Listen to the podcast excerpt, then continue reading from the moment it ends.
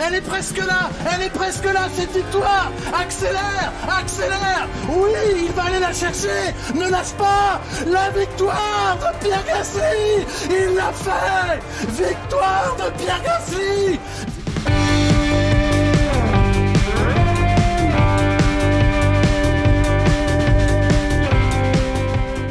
Jú, Pitturinn hilsar Æ, í þessari geggjuðu viku eftir geggjaða helgi eftir E e-pískan kafastar. Það er bara geðveikt. Ég skil ekki stakt orðið frönsku en þetta var samt geðveikt. Þetta er ógeðslega skemmtilegt. Þetta verið á sem að eh, ekki þekkja þá voru þetta sjálfsögðu frönsku lýsendinir Já. að eh, lýsa já, úrslitum ítalska kappastursins um helgina þar sem að það var engin annar en frakkin Pierre Gasly sem að eh, náði sér í þennan sigur á undan Carlos Sainz og Lance Stroll dömunu herra, þetta hefur Ímyndað er ef ekki einhver er að hlusta núna sem horfði ekki á kappaksturinn og er bara, ha? heilt Hver er þessi maður? Já og bara, þetta er alveg styrla sko. Þetta er fyrsti sigur frakka í Formule 1 síðan 1996 held ég að sé. Sem var Oliver Panis í Monaco. Já, og í fyrsta skipt síðan hvað 2013 sem að það er ekki Ferrari, Mercedes eða Red Bull Já, Þetta er alveg þetta er bara ruggladæmi. Þetta er geggjað Já, við, eh, við hötum þessa keppni ekki svo mikið víst, fengum að sjá alls konar hluti og fyrsta enduræsingin eftir raukt flagg úr, úr sest, standing start Akkurat. af ráslínu um, fengum við raunum keppni sem var skipt upp í háluleik eins og fótballleik og fengum uh, sest, öfuga rásur, svona reverse grind sprint keppni án fjórustu lesi endan Það er allt bara- sem er búið að tala um að bara testa þetta um helgina og það er allir brosandi Já, þetta, Allir bara, kappa þetta kátir. hefði ekki getað klikkað. Þetta var, wow, hvað þetta var geggjum. nema kannski Binotto eða eitthvað álíka en, en, en í stóru, stórum dráttum þá, þá var þetta ég bara geggið helgi og já, tímatakan ekkert þannig sem til að tala um nema bara hvað Carlos Sainz var snöggur Gekkjar, McLaren bara yfir höfuð Þú veist, Norris talaði um að hans yringur var ekkert frábær En hann, hann er samt þarna hvað Fjórði, Sjötti. sjötti á eftir Vestapen já Og, og svona undarlegt, við vorum að búast við sko Runo og, og Red Bull að vera segustur hann en, já, en, Red Bull sökkuðu, já, mjög svo, alla helgina allir bara ömulegir Þá og eh, talaði um það bara að þó að sem sagt, þetta var svona magnað reis og allt það að Red Bull hefðu sennilega ekkert endað á velunapalli Nei, nei, nei, þó að nei. það var ekkert vesen, þeir voru bara alveg ferleir þeir voru ekkert að fara að gera það Carlos Sainz var bara solid í, í öðru setinu þannig framan af og, og bara á, á hraða um, Lewis Hamilton á Ráspól Já. uh, sekundabróti og undan liðsilanum Valtir í Bottas í tímatökunum og það var merkilegt að sjá að sko, hann tapaði eiginlega öllum tímanum á miðkablunum Já. sem er flóknikablin Já, Eh, Hamilton talaði um það að þetta þessi ringur hafi ekkert verið spes í honum Nei, og en samt er hann undan Bottas Carlos Sainz var svo þriðji, Sergio Pérez fjórði, Verstappen fymti, Landon Norris sjötti, Ricciardo sjöundi, Stroll áttundi, Albon níundi og Pierre Gasly tíundi. Um, Charles Leclerc var hann í 13. sætinu og Vettel í 17. og uh, hann var bara pakki af þessum ferrar í um, veluðum bílum. Já. En uh, já, ræsingin hún gekk nú bara nokkuð snurlust fyrir sig Já, já Lewis Hamilton rosalega snöggur að stað en Bottas með ömulega ræsingu úr og, öðru sæti. og Sainz með geggjaði ræsingu og Norris, náttúrulega, Norris var komin upp í þriðja eða ekki? Já, þannig að eh, þeir voru í topp málumanna McLaren-mennir og Bottas bara Sko, með allt, niður, þessi fyrsti ringur er bara eitthvað að vesta sem ég hef séð Já. og ég hef verið að fylgjast með Ferrari í sumar sko. já. en ef við byrjum á þess að tala um Monza og uh, ef við kannski lýsi Monza en sem nútíma kapasbraut Já, þú hefur náttúrulega kæft hann ég hef keft hann að nokkru sem þetta er upp á sprautin minn Já, er það svo leiðis? fyrsti velunapallurinn í alþjóðlegum kapastri og, og En ímislegt myndur þú segja að hann væri uppáhaldsbrautiðinu mitt út af þessum minningum eða er það bara kapastuslega síðan? sko, Monza er eins og spa þegar þú kemur hann þá er svona andi yfir brautinni og þú veist að labba hann um og fara að skoða hérna gömlu brautina og þú veist, það er alveg styrlað sko Já. þannig að það, það var magnað og uh, og bara svona allt í kringum þetta einhvern veginn, þú veist, og hvernig þú kemur hann inn þetta er bara svona garður, þú veist, þetta er, þetta er geggjaf Já, ég minna Og eins og ég fórst og- bæði- fórst og skoðaði skilur eins og gamla bankingið og allt þetta já, já, það er sjálfsögðu. náttúrulega störtlað að sjá Og- það þarna hefur ekki verið notað síðan bara 61 eða eitthvað eh, Já, og það er svo rosalur hallið í maður En uh, já, já, og ég f- viltist í skóginum í göngutúr eftir ég datt úr keppni og, og kvarf bara í einn og halvan tíma því ég var svo reyður til sjálf mig næst síðasta ringmaður var berjast um fyrsta sætið Já, Ömurlegt. frábært. fyrsti sigurinn var í öxin sko. og þetta var þannig að við vorum að skipta um sæti okkur en ring sko. þannig ég var að stíla inn á það að vera á bak við hann Já, ok. inn, á, síð, fyrir síðasta ringin sko. taka hann á rönnunni niður í parabólikuna og í steinna lesmónu og aðeins sprungi mótor og ég spinnaði hann út og Indislegt. brosni draumar, bræ, brosni draumar Það er vant að segja það. djúvillar er reyður til sjálfum um maður ég viss alveg, sko. ég var búin að kera tvisra áður en í gegn og það var alltaf hérna gult og raut flagg sko. Já. en Og Allavega. tókst bara hakkinn inn á þetta fórst út í sk- skó bara og lagst Já. í hverfa. lefum bara hverja smá stund og labbaði hann um og rölti tilbaka í stæðin fyrir að fara tilbaka með einhverjum, Já.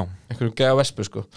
en uh, já sko Monsa upp á speginum minn er á Monsa alveg bara upp á hans upp á speginum Ég minn, er það ekki bara beigjurnar? Það eru nú ekki margar. það er Askari, Askar, já, það er vinstri, hægri, vinstri Akkurat, sem var í gamla daga bara vinstri. Já, og málið er það að þú kemur þetta upp brekkuna í formið þrjú bíl í sjötta gíra á 300 km hraðan Fyrir undir brúna. fyrir undir brúna og, og svona liftist upp yfir og það er ókvæslega skrítið því að þetta, það er ekki mikill handlega en Apexi er næstu í blind einhvern veginn Því að hún Sérst í einhvern veginn vinstri, tekur- í fyrstu vinstri. já. Já. og þetta er bara svona þú veist, smá tapp á bremsuna, bomba niður um eitt gýr og svo byrjar hérna bara standan um leið og svo er afturindin svona alveg að losna alveg í gegn og þú ert alveg á mörkunum einhvern veginn og ert að keira upp hraða allan tíman sko. ógeðaslega gaman já. Við sáum þetta mitt núna í slagnum milli Gassli og Sainz á síðustu ringjónum þegar báðir voru á handónvítum dekkjum. Sainz myndi bara á pappa sinn. Þetta var, Jú, þeir voru bara slætandi út um allt. þegar þeir voru svo að glíma við bíluna hana En er það ekki þá bara svolítið standardin í þessari Ascari Baby sem er sérst Jú, fyrir þá það sem er ekki ekki vita downforce, skilur við. Já, ég segi það að sérst, ef við reynum að lýsa hvað þetta er að þetta er runni beigjan fyrir parabólikuna sem, sem síðasta, síðasta síðasta bein, já, þetta er þarna vinstri, hægri, vinstri þetta er það sem að uh, Fettel kyrði á stról í fyrra Akkurat, og, akkurat. og, og verstafinn spinnaði þarna í æfingum þannig að hérna En já, þetta er náttúrulega mögnu braut sérst, þetta er svo braut á dagatalinu sem þú ert mestan tíma í full throttle það verður fróðvöld með Mugello reyndar Já, það En ég held samt að það verði ekki meiri Monza, sko. Nei, ég held ekki, það er alveg það marga já, beigjan svona hlutvarslega mestan tíma í, í beinningu Já, er þetta ekki mesti hraðinn. 87% eða eitthvað sem var til fullur gjöf? Jú, og svo sko, þú veist, bremsunar þú veist, alltaf að negla á þær sko, þetta er aldrei eitthvað svona mjúkur inn sko, þetta er bara, jafn, jafn mikil bremsuna hægt er sko Já.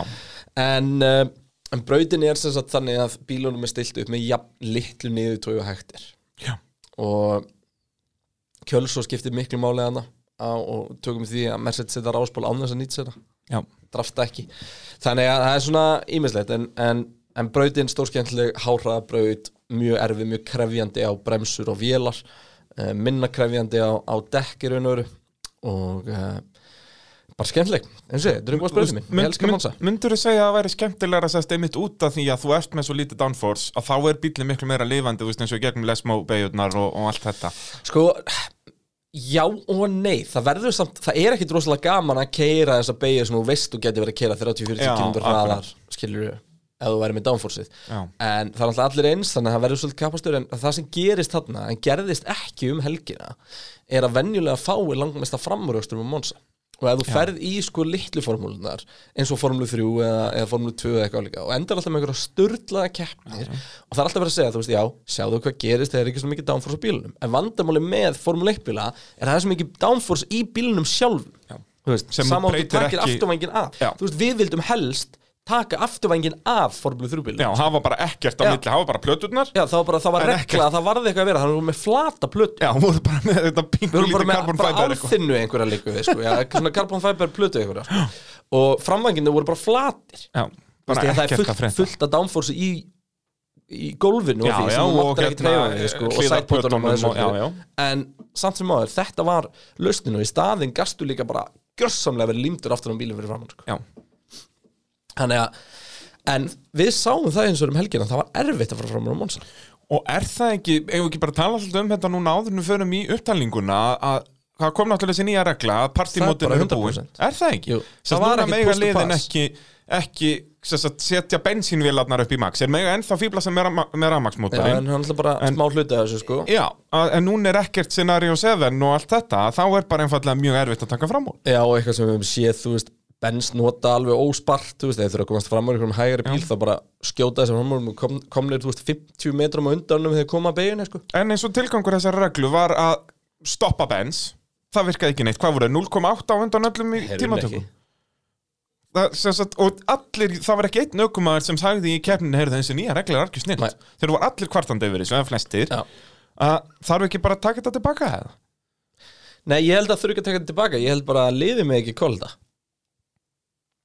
Hvað mennur þau? ég bara, ef ég ætla að nota scenario 7 þá var ég bara að taka sénsinn sem aukumæður ég veit Já, fyrirfram svoleiðis, hvað já. ég má nota það mikið Já, Ef ég já, þetta er mjög gef- góða punkt gefðu mér þá, þú veist, Og þá bara sprengja þér velar það er hægri bara vinstri strengið að velar Já. Sem er náttúrulega alveg indislegt Þannig að þú bara eins og veist- í gamla daga þegar maður var að sjá þetta það er öll þessi aðstóð sem er fá Já. sem að gera þetta svo sem við höfum rætt svolítið í pitnum Þú veist- hvernig er hægt að leysa þetta og setja þetta meir í hendur aukumannsins og þetta verður meitt mjög gott skrif í því Þú veist, það, það er svo sjaldan sem okkur finnst það geðveikt eins og til minns í Östuríki þegar að, hérna, Norris. var að elda það var bara til þess að það var svo cool ringur skilur Já, já. við. en þú veist, mikið gleyma að alla keppnir eitthvað hérna fara hérna niður, keiru segnum úr til hæga þarna hæga Já. aðeins fyrir að það er hér þú veist, það er alltaf verið að maxima þetta allt Já, þetta er magnað, ef, ma- ef maður er með sérst, F1 TV, já þá getur þú farið inn í bíl hjá fólki og heyrt radioðu bara það er live bara konstant samtal endalaust, þú veist, á hverjum einasta hring á Monsan til dæmis, þeir fá einhverjar upplýsingar kannski svona, þeir, í minnstalagi þrísvar fjóru sinnum á hring já, og samtur er ekki að breyta vélunum Nei, nei, það er samt veist. endalaust bara En þú hérna getur ímyndað þér ef þetta er bara, þú veist, þegar við hérna nú rókum að þessari beigja, ætlum að fara í mappið hérna til að fara raður út úr henni og þú veist, og það er bara einhver að lesa onni þig nákvæmlega hvað þú ert að gera þannig að helmingurna þess er þú ert að gera bílina svo ert þú bara, hinn helmingurinn þarf bara einhverjum autopilot að gera það sem þú heyrir eins og þetta með kóra sko. þannig að þetta er, ég held að, ég held að það sé málið sko.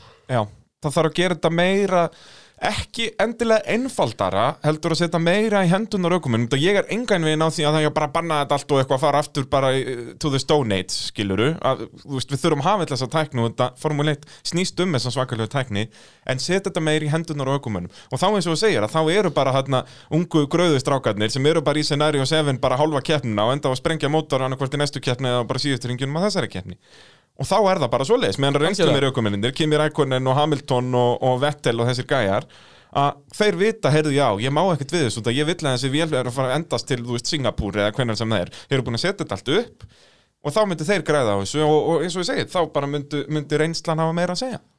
algjörlega, og það er eitthvað svona sem að við bara viljum, viljum sjá urinu Ég held það. Herðið, ég var að fara í gegnum liðin Við- eh, Það er Já. ímislegt sem, að- sem að þú Ég veit að þú ert búin að vera að eh, Já Undibúa hérna Já, ég, Eftir ég, að- ég ætla að gefa, gefa hlustendum hvað- það sem þeir vilja. En keppnin allavega var mjög áhugaverð og, og Núna erum við í helvits vandræðum bræ Nú já, Því að þú veist, vennilega þá er alltaf að byrja á Mercedes nema Red Bull þeir unnu Þannig að við verðum eiginlega bara að byrja á Alfa Tauri og fara svo bara í Já, er það í, svoleiðis? í Championship sko ég raða þessu upp, sko núna eftir bara í, í þeirri röð sem liðin eru í, Í stiga keppni ykkur manna, já Já, En þú veist- en nei, stiðakefni bílasmiða. sko. stegi ekki um bílasmiða en sko þar á ekki þá erum við heila að tala um tvær keppni sko. Já, Því að þú ert svo með er það. venjulega fyrri keppni og Já. svo óvenjulega setni keppni Við fengum, þetta er svona formúlu 2 stemning, við fengum eitt svona feature race Já, og... eitt- eitt bara einn. Já, en hérna, ef við byrjum bara á Gasly og Já. hérna alveg bara, Vá. ó, þetta er svo dásamlegt út að hann er líka svo innlægur og dásamlegur að það var enginn sem hataði þetta. Þú veist, ég var alveg svona, ég er frekar Carlos Sainz maður, bara út að ég elskar rally og, og allt það sko, en mér var alveg sama. Gasli þetta var dásamlegt. já, ég var alveg til í að sjá alla þess að þrjá Já, reynda Stroll máttu líka alveg sko. vinna og Rækonin hefði alveg máttu vinna líka. já, jésús Við förum nú kannski yfir það hérna. Förum eftir. við það eftir En sko, Gasly náttúrulega stóð sér ekki vel í tímatökum Nei. Við byrjum á því Hann setti Hann- betri tími í Q2 sko Já, bara ef hann hefði ná sama tíma og í Q2 þá hefði hann En rest allt alltaf tímatökun á Monsa verður alltaf einhver steik Ég veit, að þetta verður þvæla Nefnum þú ert að Mercedes og ert bara slétt sama Já, og fer bara Já, Ég meina, þú veist, tímatakkan var búinn, hann einn og halvri mínútu áður en hún var búinn já, líka. já, Þeir bara fór ekkit en hann síðasta hring. nei, nei Alveg glóruleg, sko. Já, og núna sjáum við þetta líka eins og í Q1 og Q2 Í fyrra var þetta bara sirkusinn í Q3 Nú var þetta bara í gegnum allt Mér fannst þetta reynda geggja, þetta er skemmtilegt sjómasefni Þú veist, eins og í Q3 þá fengum við bara race í, Nei, Q1 segi ég Var, var bara race, Rækonin hann að brjálaður á eftir Okkon og eitthvað Og þetta er gott sjómasefni En þetta er náttúrulega algjöð þvæla Russell var alveg snældu vitla svona Já, algjörlega. Fyrsti sigur frak, frakka síðan 1996 þegar Oliver Panis vann og Sko, Gasly franski hélt- fossettinn syngdi í Gasly Já, hann bara, hann svaraði ekki Nei, hann var auðvitað Ég ekki misti á þessu, hann með mist call frá fossetta frá Emmanuel Macron aðar á mjög gott hérna, yeah, I maybe need to call him back yes Já, kannski en hérna, sko það sem að er unnur skemmtilegt í þessu er að þú veist, þessi sigur var unnur merkilegri fyrir Alfa Tauri heldur en Fettel sigurum að fyrir Toro Rosso að þeirri ástæða, sko, það var náttúrulega í ógeðslegum aðstæðum Já, og þú veist og þar var reyndar alveg auðljóst á byrjun að Fettel var að fara að vinna, ég meina hann bara Já. stakk kóvalænin af og, og kerði áfram já og bara náði besta tíma on merit í tímatökum skilur, það var ekkert og þannig að þú veist en það sem, að, það sem Alfa Tauri er að gera núna þeir eru að gera það sem Racing Point gerðu og Jordan gerðu undan þeim Já.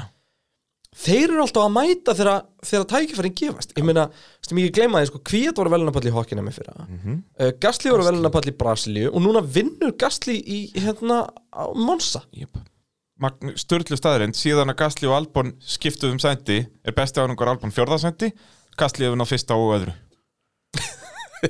í Alfa Tauri en fíla Gasly ekki bara að vera underdog er hann ekki bara Jú. miklu betri að vera underdog heldur en að vera í aðlinu Ég heyrði eitthvað staðar í einhverju kommentir, ég held að David Coulthard eða eitthvað hefði sagt það. Mikið lítur Gasly að vera ánæður fyrir að hann verið sparkað á Red Bull. Nú er hann búin að vinna keppni, hann hafði aldrei unnið þess að keppni á Red Bull, ekki Nei. fræðilegur. ekki séðans Þannig að- að það blessingin væri nú, það væri nú kannski tækifæri samt búin að myndast Já, já. En sko Ef við förum aðeins í gegnum það Gasly held náttúrulega að pitstopið hans hefði bara gjössanlega rústa keppni fyrir Já, hann og Því að það- hann það pittar kemur öryggisbíll Og svo strax kemur eftir. öryggisbíl beint á eftir Og hann ætla bara að bjarga pitstopinu hans Já. Að pitlinni er lokað Þannig að öryggisbílinn þarf að kera hann fram í hann Gasly nær hópnum, allir fara inn og búm Hann er bara komin upp í, hvað var hann, þriði í endurræsingunni Að Eh, Bara annar, Var hann annar í endurræsingunni eða var Kimi annar? Býtu við erum með Við þetta erum með hérna. það hérna uh, Nei, Stroll var annar Stroll var annar. Gasly ég veit, Stroll þriði, fær- Kimi fær svo fjörði lélegur og start, já. Giovinazzi- Giovinazzi fymti Já, og þannig að þetta er einhvern veginn svona spilast upp í hendan á hann en það breytir því ekki, hann á ennþá fullt að ringjum eftir Já, já. með fullt að bílum á bak við sig en það sem þetta Já, og sínd okkur þurft að taka fram úr Stroll náttúrulega, Já, þess að já. þetta nær hún strax í startinu en samt. en það sem þetta sínd okkur var raunur bara hvað keppnið er skemmtileg í miðinni Já, þetta þarna fengum við loksins lag um fyrsta seti þar sem Já. allir bílar eru svipaðir. þeir eru svipaðir en ólíkt góðir Já, já, það þú er veist það sem eins og við þurfum maklarinin var augljóslega hraðari en þetta var ekki bens á móti Ferrari, skilur að bensin bara fer fram úr þegar það eru 20 ringir eftir bara bing. Þannig að, ó, þetta var svo dásamlegt, algjör, algjörlega. Uh, einn áhugaverðu punktur þegar ég fór að horfa á þetta aftur að þetta er allt kvíat að þakka. ok, Og það kvíat endar er þarna fyrir aftan Gasly. Gasly missir held í okkon fram úr sér. þannig að í, bara í startinu já, bara, á, í, á þriðja ring Já. eða eitthvað og kvíat er á hörðudekjónum gasli og mjúku og kvíat er hann búin að vera fyrir aftan ring eftir ring og er bara brjálaður í radiónu er bara að segja þeim bara, heyrðu, nú verðið að fara að taka eitthvað ákvörðun ég, núna er hörðudekkin að verða góð ég sé alveg að mjúkudekkin er ónýtt hjá honum takið ákvörðun, pressa á pressa á liðið og endanum fer gasli inn og Kvíat fær það sem hann vill en svo kemur öryggisbílinn og allt verið í steik og Kvíat var alveg pyrraður eftir þetta á, sem sagt, eftir reysið, hann segir ekki orði í talstöðinu til liðsins allan útringin, það var bara í parkfermiðinu sem hann gefur með eitthvað svona sem mér fannst bara óttalega svona feik eitthvað, kongrats bara eitthvað heyrðu, já, velgerst fyrir liðið og, og, já, þú ert alltaf full ef að hinn Auðvitað. læri sig og sérstaklega út að það var hann viss alveg upp að sér sökina þannig séð skilur þetta var alveg honum að kenna en bara einhver svona magnaðar sérstaklega, já, m- svona magnaðar aðstæður En sko, þessi velunapallur og, og virðingin á svo gaman að sjá, þú veist, Binotto mætti til að fagna Gastli, allir Racing Point voru að fagna honum, uh, Algjörlega. alltaf Red Bull liðið, þú veist, voru allir bara einhvern þarna- veginn allir aukum en þú veist eins og þegar að Gastli fer í það er alltaf bara svona kassi með öllum fjölmiðlum þar sem þeir fara svona inn og er að tala við mismunandi kamerur og þegar Gastli fór hann inn, þú veist allir stoppu í Það bara sínum klappa fyrir viðtölum bara, já, og bara djöð var þetta vel gert hjá þér þannig að, bara, já, massíf respekt Já, algjörlega. Og ég ætla bara að segja, hann átti þetta skilið, hann, hann, hann, hann kom sér á réttan stað þegar þetta spilaðist út, hann held þú veist, undir allir þessari pressu. Hann síndi bara það, að hann getur gert það líka í tóknum. Já, sko, ég ætla að vera pínulegilegur og það ég er búin að heyra þetta komið núna í, í tvo dagar streitt að hann átti þetta fyllilega skilið P Persónulega fannst mér sint sig að Sigurinn meira skilið Hann vann meira hann, Nei, því þetta var, að Sainz var með alla burði til þess að vinna og hann gerði það ekki Já, en ég meina hann er samt óhefnari óhefnari hugsanlega, en, en samt sér óhefnari, þú veist, hann ræsir hvað 50 eða 70 í enduræsingunni Já, en Sainz út af þessu, já, en hann ræsir Sainz- 70 Sainz kláraði nákvæmlega það sem hann átti að klára já, Gasly gerði það ekki að mínum að Nei, nei, ég er alveg samla því svo sem Skilur, það var En hann meiri átti þetta samt heppni alveg í Gasly. skil- Já, En en, þú veist, algjörlega ég er ekki en, að dissa Gasly, þú skilur hvað ég meina en þú veist, Gastli ræsir ekki fremstur Í enduræsingunni nei, nei, Hann, hérna hann þarf að taka fram úr einum stopp Já, racing point. hann nýtir sér tíman á meðan að, að Sainz er að koma sér fram úr Kimi. hérna, Kimi og býti bil Já, já, hann um þetta var manið fullkomna- gapið frábælega hann gerði allt rétt allavega í þeirri stöðu sem Já. spilaðist upp hérna en þú voru líka viðurkenna að þetta var hefni auðvitað, já, já en að vinna kappastur og heita ekki Lewis Hamilton og vera á Benz Já, heita hefni, sko. það, það er basically eina sem ég vildi fá að heyra þetta var ekki en vissulega, ef þegar aðstæðan gáfust þá gerir hann allt 100% en er það hefni þegar að ég eitt af þessum, þú veist, þú veist, ég glima það eru vennilega 20 okkar keppnir á ári þú veist, það er svona tjóker að fara að koma Já, auðvitað er það algjörlega, hefni að það algjörlega. gerist akkurat að braut þar sem að verðstapin er, þú veist, ekki að standa sig Já. á ári sem að Ferrari er í drullinni og botta sér að skýta bara á þessum akkurat þessum momenti Ah, já, mjög skrítið það allt saman, við tölum um það eftir og hérna, þú veist, auðvitað er það hefni Já, auðvitað en, en eins og anskotin segir- hafið það, Já. þú verður að grípa það og hann gerði það líka í Brasilíu fyrir það hann gerði það aftur núna og það skal enginn taka það að gasli hann er búin að vera standa át aukumöður á þessu ári Ge- hann er bara búin að vera eigilega sá besti Já, Sem þú sagt, miða við allt sko Já, þú veist hann er alltaf ef, ef, við, bara, hann og ef við verðstappen segjum að Hamilton sé bara eitthvað gemvera og verðstappen skilur já og hérna að, að, svona af þessum allavega minnisbáminum er Gasly, hann outperformaði bílinn framanaf algjörlega en núna er Alfa Tauri einhverjum orðin þokkalega góður sko og líka, Og hver já, er ég ætla að fara alltaf- ég ætla að hann- draga hann þetta- ég ætla að vinnur draga kvíar þetta tilbaka hjá mér þetta var, þetta var ósangjönd að segja að vera að drulla bara svona yfir Gasly. ógeðslega ósækjað maður bara sorry með mig, ég vildi bara vera Þú ósamálaðir varst heldur ekki að drull yfir hann sko nei, nei, en þú veist ég, ég er bara svo Allavega. gaman að þið vera ósamálaðir Allavega, bara til hamingju gasli Við, við, erum, við erum ánægð með Tókstu þig eftir. og bara takk fyrir þetta tókst eftir hérna þegar að allt podium dæmi var búið þá settist hann bara niður og bara fór að njóta augnabliksins þetta var að fallegast að sem ég hef séð Þetta var geðveikt Ó, þetta var bara, hann sat hann bara allir voru farnir og hann er bara þarna bara með dolluna bara Ó, og segir í viðtölum eftir á sko að Ég hann, meina, man þegar Hann, hann var í hann Brasilíu vaknaði morgunin og kom sér fyrir á hvað, tíunda Já, tíunda já. sætt á roslinu sko. ræsir tíundi og bara, og nær þessu fullkomna snarti í startinu mann þetta er, ó, Hitstartið var líka gott að það ekki hmm, Var ekki hitstartið líka gott, ég minni það sem sagt fyrra startið Já. já, geti verið En allavega Nei, ef- hann lendir í tómi tjóni hann, hann fer að Já, klessa á hann, hann, albón hann, hann, hann klest á albún hann eðilegur bílinas albón Án djóks, hann rustaði allir gólfin á hann Meistari, Annar- hversu vel gert þetta? Á, á, maður Megum ekki láta svona við albón Nei, en þú veist, þetta er, þetta er, þetta er, þetta er alveg svona Þetta er alveg eins og þú segir mýga og skýtandi mann Já, sko. þetta er svolítið þannig að vera hérna Best að keira hann áður inn í vins En og samt, keppnina sko- Gæjan sem að tók sæti mitt Já, en þetta hafði verið meira mjög enda skýtandi meina að albón hafði gert þetta við Gastli skilur út af því að það er vissulega albón sem tók sæti Já, hans en Gasly Albon er samt búin að vera í Ég skiptum veit síðan það, ég veit það Já, um, förum þá kannski bara í gegnum uh, pakkan og uh, Ef við núna farið Mercedes Já, nú förum við Hvernig á að gera Mercedes. þetta? Þetta er allt systemi farið út um klukkan alveg bara til klukkan Nú, nú tökum við þetta bara í vennilega systeminu Já, Uh, Mercedes, Hamilton, fremstar Rásból, klárar sjöundi, Bottas, annar og uh, klárar fymti. En að segja þetta aftur Þetta er bara svo dásamlegt að heyra þetta, Hamilton sjöundi, Bottas fymti. þetta Og ræsa nummer 1 og 2 oh, það leit allt út fyrir að þetta er bara skýtléttur sigur fyrir Hamilton hann gerði allt eins og hann kann hann keirir að stað, hann keirir undan hann býtir enginn að halva keppa sekundu við á, á ring og enginn að keppa hann Carlos held aðeins í hann í byrjunum og svona, Já. "Á, McLaren ræður og svo sá hvernig dekkin endast og þá fór Benson að Já. gera þannig að hérna, að saga sem við þekkjum Já, og höfum heyrt áður en uh, það sem eru innur þú veist, það sem við skulum bara tala um er náttúrulega bara þessi mistök Já. því að það sem gerist fyrir þá sem ekki horfðu er að sem sagt, hasin hjá Kevin Magnússon bilar þannig við uh, rétt fyrir pitt já endrið sérst parabolika síðasta beigjan Hann bilar svona í beigjunni og hann fer hægra megin Já. Svona eins og hann sé að fara inn í pitt en leggur sem sagt, hann Bara á tekur hérna grasinu. ákvörðin að leggja við muscle post þar sem að svona ég hugsaði fyrst betur við okkur ítanum ekki bara inn sko. Já, það er svona En það bil er í- sem í sagt- girðingunni. já, en það, þetta bil er sem sagt bara fyrir það að, að gangandi starfsmenn þannig komast inn á brautina það er Já, og ekki kannski pláss já, mótorhjól og þú veist, það eitthvað er ekki pláss fyrir bíla það Nei, ekki allan nútíma formúli þannig að, að sko þau eru mismert þessi box þau eru annarkvæmt með sko tveimur gulum fánum eða einum eða eitthvað, eða svona appisinu gulum röndum eða eitthvað, og þetta og til þess að þú vitir hvar er hægt að recovera bílinn og Mhm. hvar ekki þannig að í raun og veru eina sem var hægt að gera var bara komunum inn á pitsvæð Já.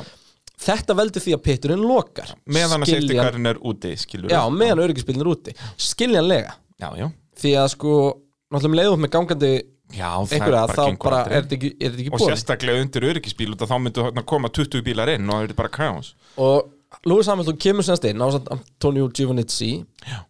í lokaðan pitt, tekur pitstopp Já. og fer aftur út og þetta er rosalega áhugaverð áhugavert allt saman því að sko í fyrsta lagi er bara náttúrulega ótrúlegt að Benz gerir svona mistök því að það eru þeir eru 16 með sekundur til að 12. taka ákvörðum 12 Já, sekundur og þeir eru með, þeir eru með alla burði hana það er, þú veist, öll skilabunur komin en það Og sem Hamilton gerist er gerir það, líka mistök, það sem náttúrulega. mér veist áhugaverst er það Hamilton og Benzi, en það var ekki draugt ljós þegar við komum inn, nei, það er aldrei ljós á leðinu pittin já Þau það var eru- það 2008 skilur þau eru, sem sagt það er, uh, á Monsa er þau utanverðinu parabólikunni 2x eða ekki Jú, 2x, 2 gula x En ég skil og takir ekki eftir þeim Því að svo eru skilti í kring sem stendur bara á SC Já. Og þetta er bara svona, þú veist, út fyrir sjónsviðið þitt Þá, Tekur Pælir ekki ekki í eftir þessu. þessu. og líka út að þetta er gullt þetta væri betur að þetta er sko rauðir ég held tveir reyndur að séu rauð sko. Er það? Ég, Já, ég á las eftir bara að það væri fótitsun innan á gult. bílnum svo ég, ég sá engan mun á þessu Nei, nei, nei, ég er bara samanlæðir sko, en, en þau eru held ég eitthvað svona appisuglega rauð eða eitthvað þannig. Ok.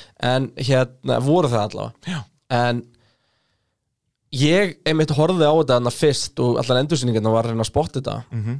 og ég var ekki alveg að- að átta mig á þessu heldur en það breyti því ekki að liðin eru með upplýsingatöflu í tölvunum eins og þess. sem að Og og bara um Hamilton fær- leið og pitlinni lokar þá fer automatist skilabóða alla og það er ekki fyrir en einhver gæi sko, bara einhver strategíkur sem vinnur í brakli Já, í öskrar Bretlandi bara í talstöðuna það er lokað og þá bara frjósa allir Já.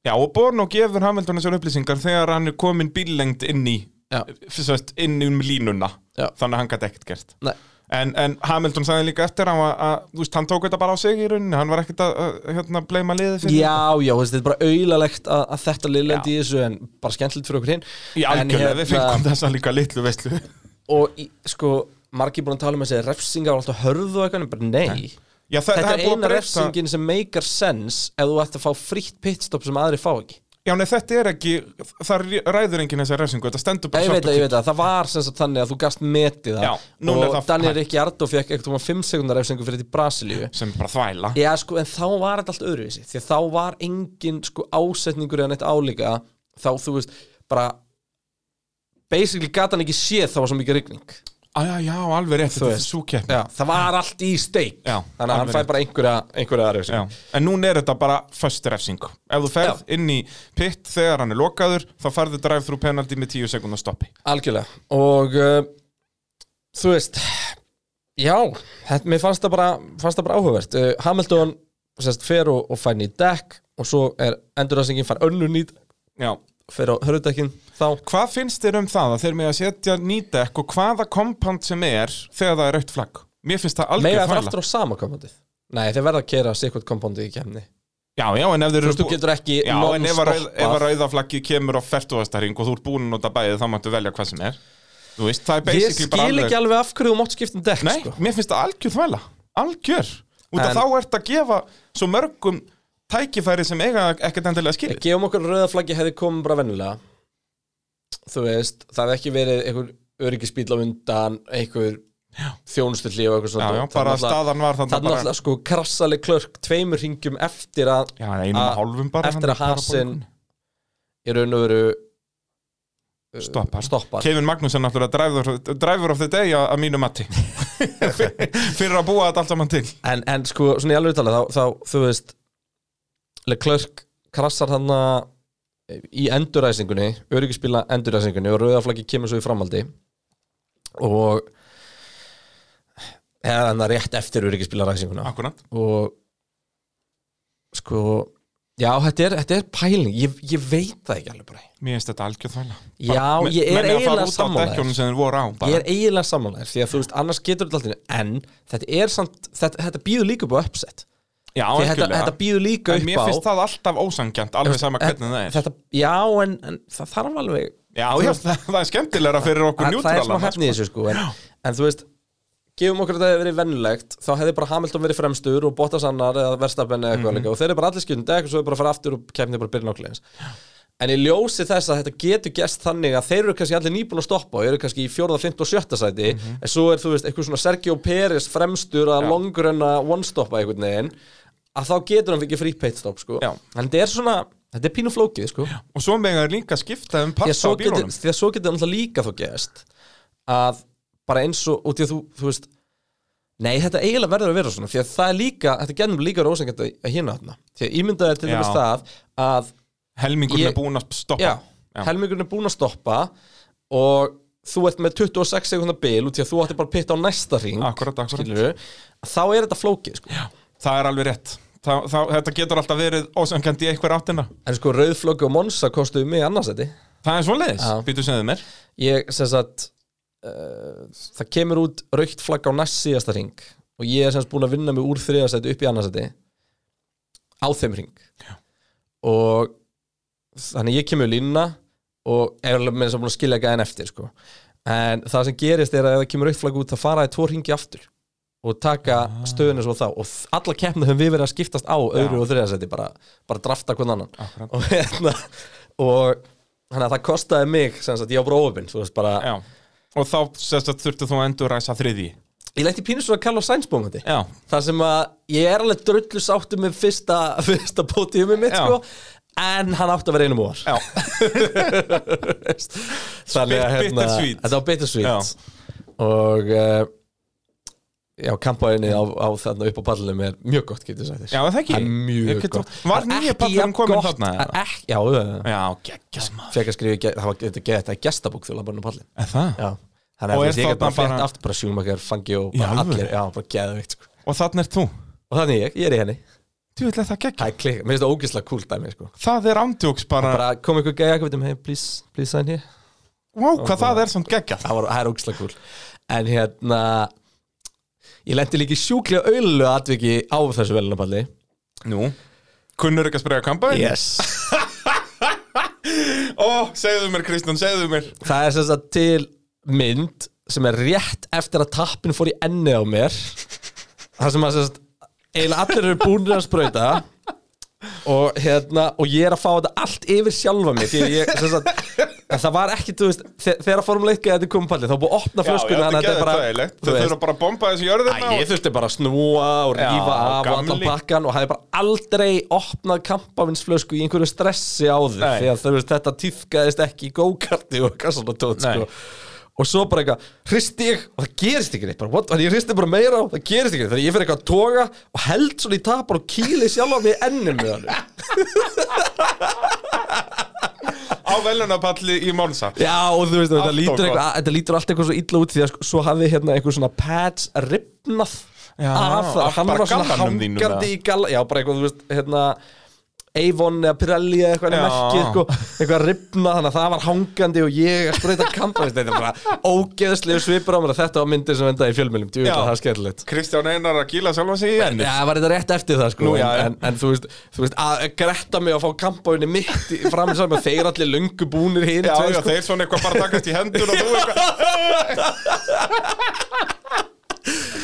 Þetta er allt og gott Ah. Já, þetta var skemmtilegt En hérna, Heyrðu, ég var að tala um Bottas á líka já, en sko, nei, við erum ekki búin að tala um Hamilton En hérna, því að sko, það er annars mér að ræða Það var hérna þessi, eh, þú veist, hann tekur þetta, þetta, eh, sem sagt, þetta pitstop og, og fer hérna, fer uh, síðan aftur út og kemur hérna einhverjum 20 okkar sekundum Djöfull 24. keyrði það rætt maður Já, hann náði albúin á, hvað voru þetta, kannski sjö hringir Hvað var hann að gera? Þremur sekundum og hring rætt Já, þegar var að mest bara var eitthvað Bara, En hann var í vesinni út af vélastillingunum já, já því að hann var að ofhitta á eitthvað þannig og gati ekki breytt Já, þannig að og hann þurfti að reyna að náttúrulega- keira út og eitthvað álíka og Bottas náttúrulega værið í saman nema bara svona já, þ- eins og þauðleitnir Krafti og, og Martin Bröndl voru að tala allan tíman um sko að bensin er bara ekkert hannaður til að taka fram úr og eitthvað sem er alveg rétt En Hann svo hannaði bara alveg fyrstur. Já, já, en Hamilton þetta var nú ekkert mjög mikið strakli á honum að fara hann fram úr Nei, hvað hann þetta, var 12 samt, bílar hann var eða samt eitthvað? náttúrulega að taka Williamson á eitthvað svona sko. Já, en ég minna síðan þegar hann fór að taka racing pointan á runn og hann náði hann því alveg líka Já, það er enda alveg rétt En hann var náttúrulega bara En samt alveg, þetta var erfiðar en það átt að vera Ég er alveg samanlegaðir þar já, já. Um, Ef við tölum um Bottas Bottas var bara ógeðslega lélur Já, Þú veist, bara, hvað var að? Var eitthvað að bílnum hjá honum? sko hann náttúrulega keirði yfir kant á útrýnum Hann læsir á leiðinni inn í eitthvað sér keinið á leiðinu bara á grittinn bara Já, þegar frábært. verstafinn krasar Ungarlandi en það er ekkert búið að tala um að það hefði gert neitt en það sem gerist er sérst í hægri beigum þá undistir í bílum bara eitthvað rugg mikið og parabolikan er, er hægri hérna beiga, kurva allt grandi er hægri hægri beiga beygjur. báðar lesmóðanar eru hægri Er beigur ekki bara, það eru bara tvær eða þrjár vinstribegur á já hringunum? og þær koma báðar í askari Já, ég segi það já og svo bara í síkenninum sko.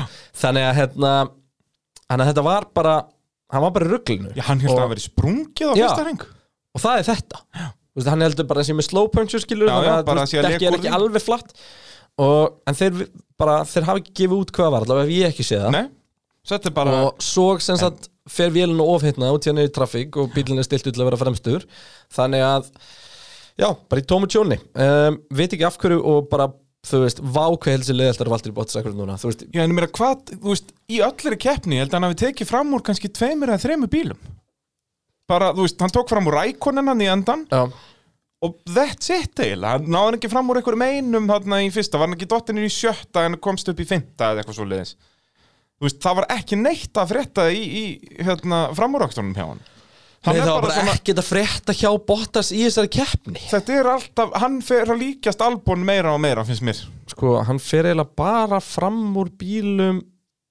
þegar einhver dettur út eða í þjónustili Já, og náttúrulega hann tekur fram um Kimi í, hérna, í endanum bara út að Kimi var að fara aftur á bakk þú sér að hann er í 20 ringi á bakvið hérna Norris í endan uh, Ricciardo Já, það er byrjun fyrir, já, í Já. byrjun hann er 20 Nákvæmlega. ringi á Hann bara bakvið fer ekki fram úr. Ricciardo reynda með verðstappen á bakvið sér svo Já, já þannig að þú veist, hann var nú heldur ekki að komast fram úr já, svo fer hann fram á Kimi Já. það er eini Það er einu, hann eini- tekur, hann tekur eini eitt fram úr framúrakstur. akstur Já. Bara litla grínið, sko þannig að hérna, svona sem var ekki þú veist í þjónustu hljóðum eða eitthvað þannig þannig að, já, bara glataði raun og veru hjá hann heldur betur um, Benz allavega fara ekkert sérstaklega sáttir frá en þessi mistara hefni hjá Lewis Hamilton gerir það að verkum að hann er hvað með jafn mikið forskot og hann var með bara núna að botta sér staðin fyrir verðstappin Verstappen. En þá með 47 stegar fórskot hvaða ruggli það Þetta er eins og hérna Þískaland í fyrra Bara vestakeppnans eðver og hann tapaði einhverjum stigum á því. Já. Hann grættaði með þess að Já. Bara- Þetta er alveg, þetta er glórlust Færum okkur yfir í Red Bull og já. Já, Max Verstappen ræsti 50 vélabilun kostaði hann uh, já, bara nokkuð stig og Albon ræsi 9 og klárar 15 Hann var bara í Pér síðasta Gastli vannkemna á Alfa Tauri á Við erum að Honda. tala um að eini maðurinn sem var fyrir aftan Albon í keppnum var Giovinazzi og þann var þetta hann fekk refsingu Eftir tímatökurna sagði Max This shows the Red Bull isn't very fast Sko þann er hann að setja sjálfan sig á svolítið háan stall en á kostna liðsins finnst mér Hvað hann er að segja bara ég er svo geggjaður aukumar þessin er að ná öllu þessum hérna úslitum en bílinn er ekkert svo Já, góð hann sko Honda móturum vann í hinnum bílum yep. og Og hann er meitri að njúi að fyrir handa þannig fram voru við bún, búnir að já sko, og Tóru Rósson er byggður á sko Aeropakka frá Faensa en restin kemur, all, allir listed parts komum bara frá 2019 Red Bullinu yep. en hérna uh, sko Við vorum alltaf að tala um hvað Red Bull væri bara núna munu þeir vinna sko. já, því líka vombri Hvað af hverju eru þeir svona lélir? ég bara á ekki skýringa en Nei. bara þessi lóta ánfórspakki ég kennilega ekki af góru við heldum Þeir voru náttúrulega ekki með hann á spa þeir enduðu að vera með þeir svona voru einhvern- meðan þegar þeir voru svo snöggir á spa Já, en svo, hérna, og þeir voru meðan þegar þeir unnu á Sölustón en svo bara ekkert að Eða frétta þeir voru af með honum. alltaf með lowdown fórspakki, veit ég hvað þeir eru með ultra lowdown fórspakkan Ég veit ekki hvað eru marga, hvort þeir eru með fjóra eða þrjá Þeir eru vantarlega ekki með sama setup á Monsa og Nei, en Silverstone. þú veist, það er ekki sama setup Það er bara, það, það, þú veist, þú- þetta er svona það, það er low down fórspakk, medium down fórspakk og high down fórspakk Akkúrat. Og svo er bara svona spurning, þú veist, þú, þá- og þá skiptir út vangjur manni og svo getur stilt vangjina innan þess sko. Já, já. En hérna, en Þetta er bara lild Já, uh, já. Annars sem ég ætla að eh, nefna á hann Þú ræstir, nefnd, bara, sorry, ég, ég glemdi um botta Ræsingin í honum var náttúrulega ömuleg Já.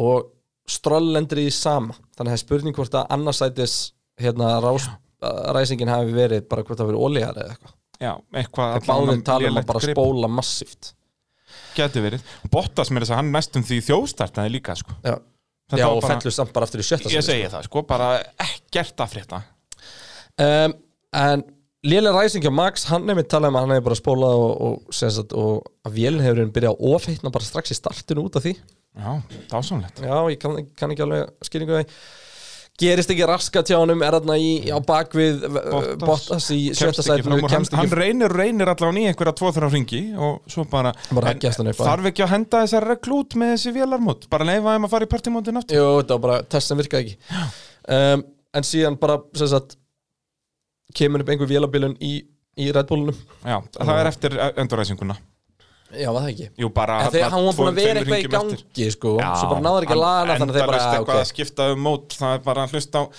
hérna tímreitið og þjáðum, hann er endalaust bara engine 5, position 7, engine 1, position 5 blibli, blibli, blibli, bara allan tíman og það gerist ekki neitt en það var hann orðin létt pyrraðar á þessu maxin okkar Já.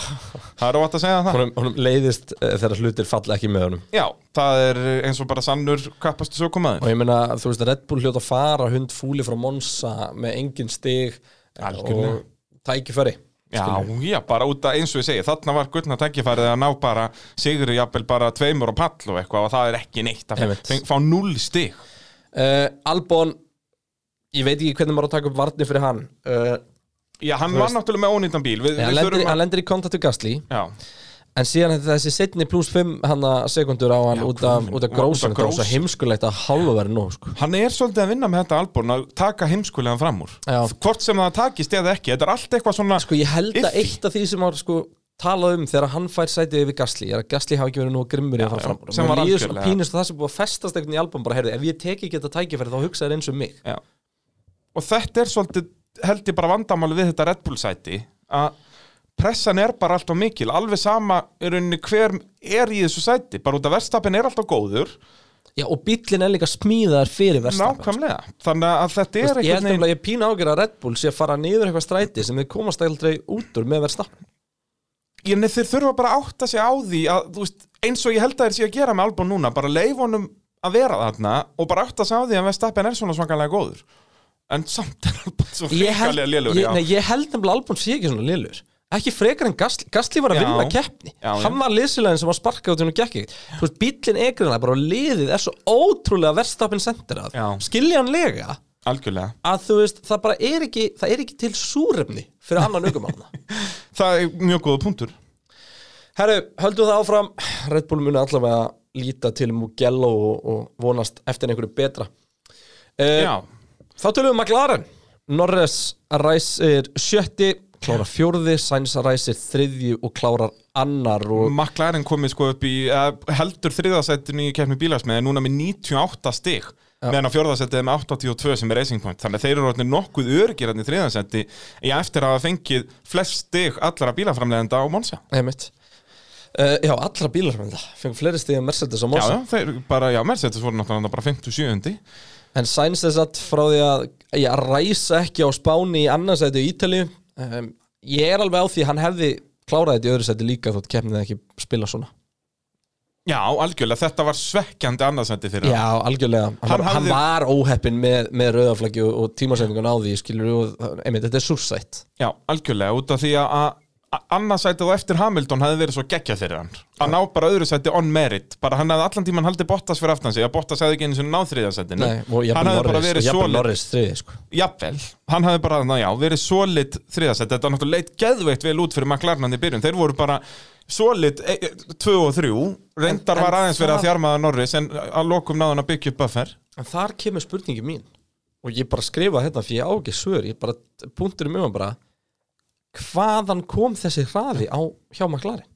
Ó, Við og ég áttum meina, af enga hverju- voni Nei. Við vorum að tala um það hérna hvort það var bara í síðasta Ég held þætti það. að þetta væri svona meðalbílin Já, þetta hann, væri me- virkar, nei, hann virkar í á, á meðalbrautinni og svo kemur geðveikt ekstrím braut og Það þeir var eru bara eitthvað geggjaðir fríkóður Og- með runamótor þú veist, þennan er og pakka, þetta er já, ef ég væri McLaren stundins, maður myndi nú heldur betur hlakka fyrir setna bara einn kemni já Sem já, eru bara jafn- fjórar beygjur. jafnvel Mugello og næstu helgi Jafnvel, er samt nú gælu, er það ekki meiri svona Silveston stemming? Jú, það er talað um að þeir fari líklegast aldrei undir fjórðagir í brautinni Já, allar beigur eru hraðarbeigur, en það er svo samt- mikið já, af fröðum við beigur tökum, Ég er með pakka um og gæla Já, eftir Þannig að endilega. við tökum það, það sem ég einmitt, er að fara í gegnum nákvæmlega þessa hluti Akkurat En uh, já, einhver hluta vegna þá var McLarenin frábær og Sainz var frábær og Norris var góður líka Já, já, Ná í fjórða Bara svona, og hann var annars alltaf sæti. ykkur svona hálfu skreif á eftir en samt svo lit já, og ég skil Sainz að vera fúll Ég Já, skil hann svo vel En hann var samt ekkert, hann síndi ekkert að hann væri fúll en hann sagði það Jó, bara jó, eins og það væri hann síndi bara, það alveg, hann Já, síndi alveg já. Hmm. eftir á en þú veist, hann var samt ekki eitthvað svona bara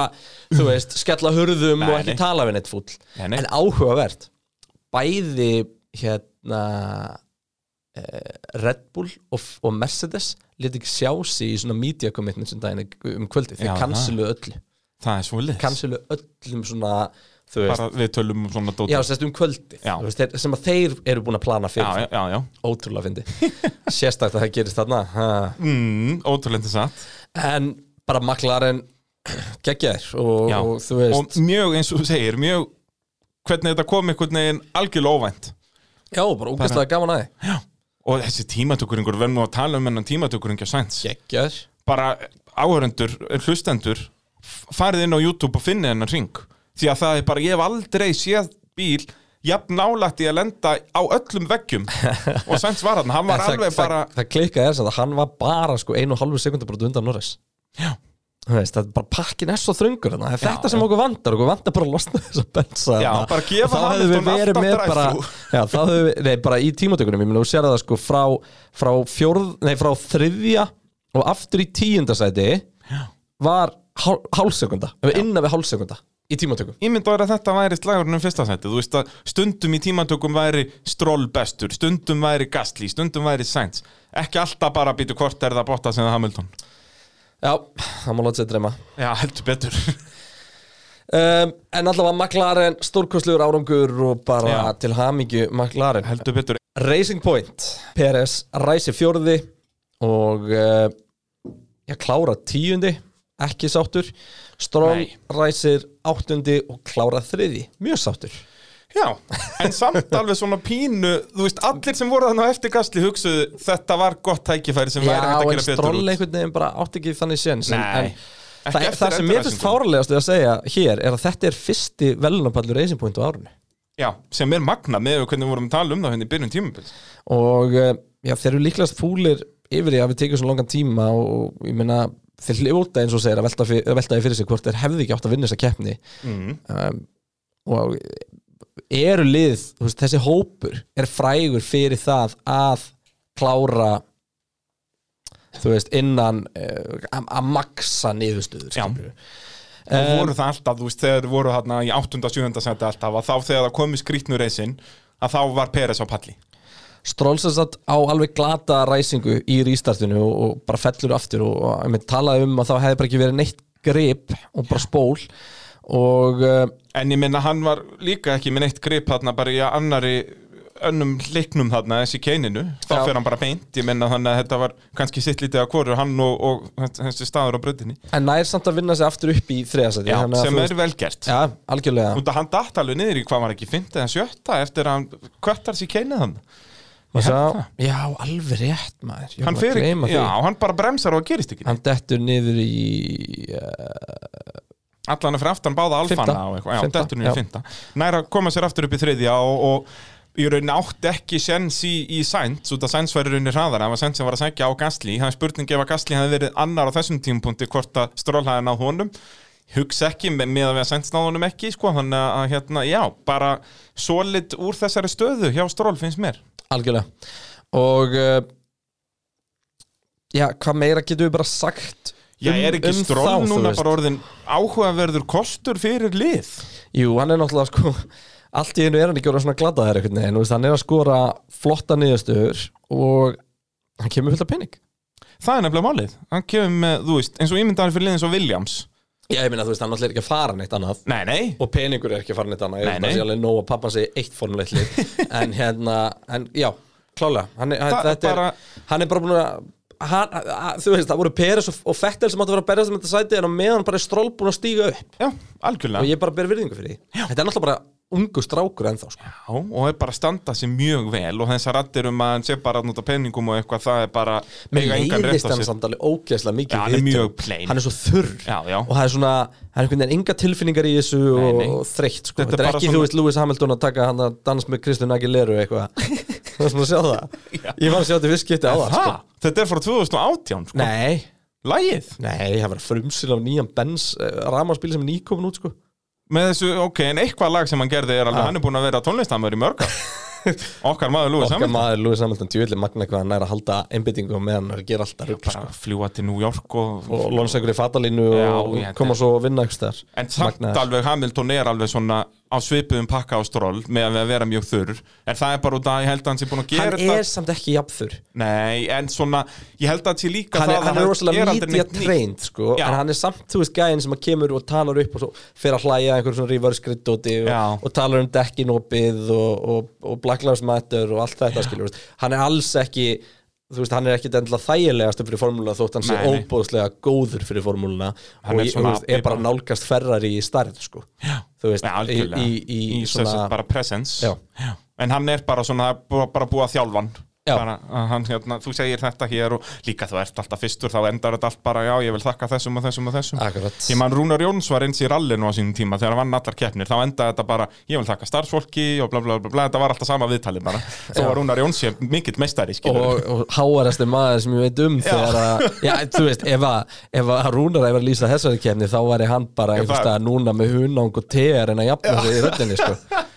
Þann, ja. það er svolítið svo leiðis en uh, já, léleg ræsing einmitt kostaði stról þetta og um, en hann nær þó sér þriðast þetta var bara sáttur um, Peres aftur á móti hann talaði eiginlega bara um að allt hefði farið úrskeiðis sem gat farið úrskeiðis Þú veist, lélegt start, fastur í DRS-lest uh, það var brjálar yfir hvað Norris var hægtin á þjónussvæðið, við glemdur reynda að tala um það á hann hann alltaf var að Mhm. Já. skoða það fyrir það en, ég meina, hann, það gerir þetta allir já, já, það er doppelstak, þá býður til bíl, punktur út beint að baka bílinn, Jep. hann er bara, ó já, já, ég fann ekki bensinkjöfuna býtu hvaða petal er það? Já, alveg fyrir, þetta er þessi Akkurat svona þegar eru konar svona 7-8 Já, sekundar á og þú milli veist, og það er ekkert hægt að gera í því Nei, Jó, það eru reglur um þetta En þú veist, þetta var ekki eitthvað glórulust sko. Nei, nei. Þú veist, Hamilton hefur gert þetta miklu verð Jep. í gennum tíðina um, En náttúrulega tímatakunum Peres var geggjuð Já, hún var flott En s- hann talaði líka um að hann hefði semst lent í samstuði við Max Verstappen eftir stoppið Nú, Þetta fór fram hjá mér Já. og að bílinn hefði tjónast eitthvað við það ég held vegna að það hefði hafi ekki einu fallið sinni verið sínt í aftur. Nei, útsendingu ég held nefnilega ekki, sko Já, ok, já, þú, þú ert að segja mér frendir Ekki nefnum bara að þetta verið það lungkeppni Ég hef akkurat stokkið að mig eða eitthvað rétt á meðan en Já, geti verið En uh, já, loku kannski getur við sagt að þeir eru búin að gefast upp á kærumálinu Já, núna er runni sem sagt, eina liði sem er ennþá að píla þessu Appeal, hvað er það á góður íslensku? uh, áfrýja. Áfríða þessu, það eru Ferrari Og hérna, Já, og, og, og þú veist, og samt sem áður sko, Lorenz Stroll sást mikið í viðraðum við Ferrari um helgina sko. er það svo leiðis? Bara var hann inn í skúr hjá þeim bara eitthvað Já. að Já, ok En ég, nei, er ekki Ferrari að droppa þið líka?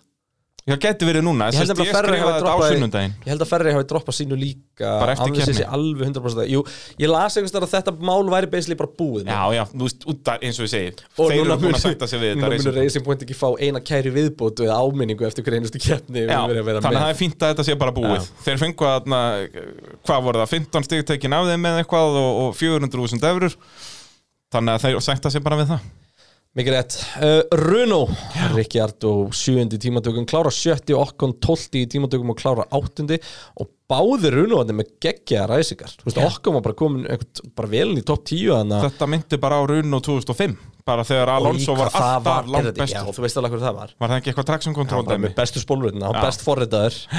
Hann hefði bara, í- hann myndi bara sleppa einhvern takka og þá bara Já, já, eins glata á það verður sko. um, Ríkjard talaði um að hafa ná bara svona jafn hátt í raun og veru í keppnu og hann gat miða við aðstæður og, Já. og þú veist, og hann, eins og hann segir, þú veist, öryggisbílun og rauðaflaggi hjálpu okkur ekki og, og allt þannig Þeir voru svolítið bara á pari Já, en, meina, svona- en það sem var gaman og, og svolítið svona refreshing við að hlusta á, á Ríkjard að tala um þetta var að hann var bara sáttur Já, þú veist, hann bara, já, ég meina þetta, þetta henda okkur ekki en við náðum alveg að gera það besta úr því sem við fengum því að en hann hefur líka verið hinum minni í þessum aðstæðum og grætt á þeim þannig að hann, þú veist, hann grætur það ekki að þegar tenninum er kastað og hann kemur ekki upp fyrir því þennan daginn að þá sé það bara þannig, Mhm. Já, já, þú veist, bara- hann hefur fengið hináttina líka meðan að Gauru svo sæns bara þekkir það ekki já, já um, Okkon hins vegar var alveg öfur Já. og talaði um bara, þú veist, mjög svona svona mixed feelings eins og hann orðaði það bara út af því að hann var drullu fút beint þetta keppna eh, og, og, og, og það var bara vegna þess að það verður svona uppsett og þú veist, nafnið þitt kom ekki út af hattinum í Já, þetta já. skipti hérna eigum við ekki að hlusta á hérna talstöðar samtalið eftir keppni á okkur út að ég held að hef- að við hefum aldrei heyrt hann aðeins hlustum á þetta Daniel P6. Good points for the team again. Well done, mate. Yeah, copy. I I disagree. I think we missed out completely this race. There was a massive Okay, opportunity. just hold it uh, on the radio, please. Hold it on the radio. We'll talk about it in the office. Thank you.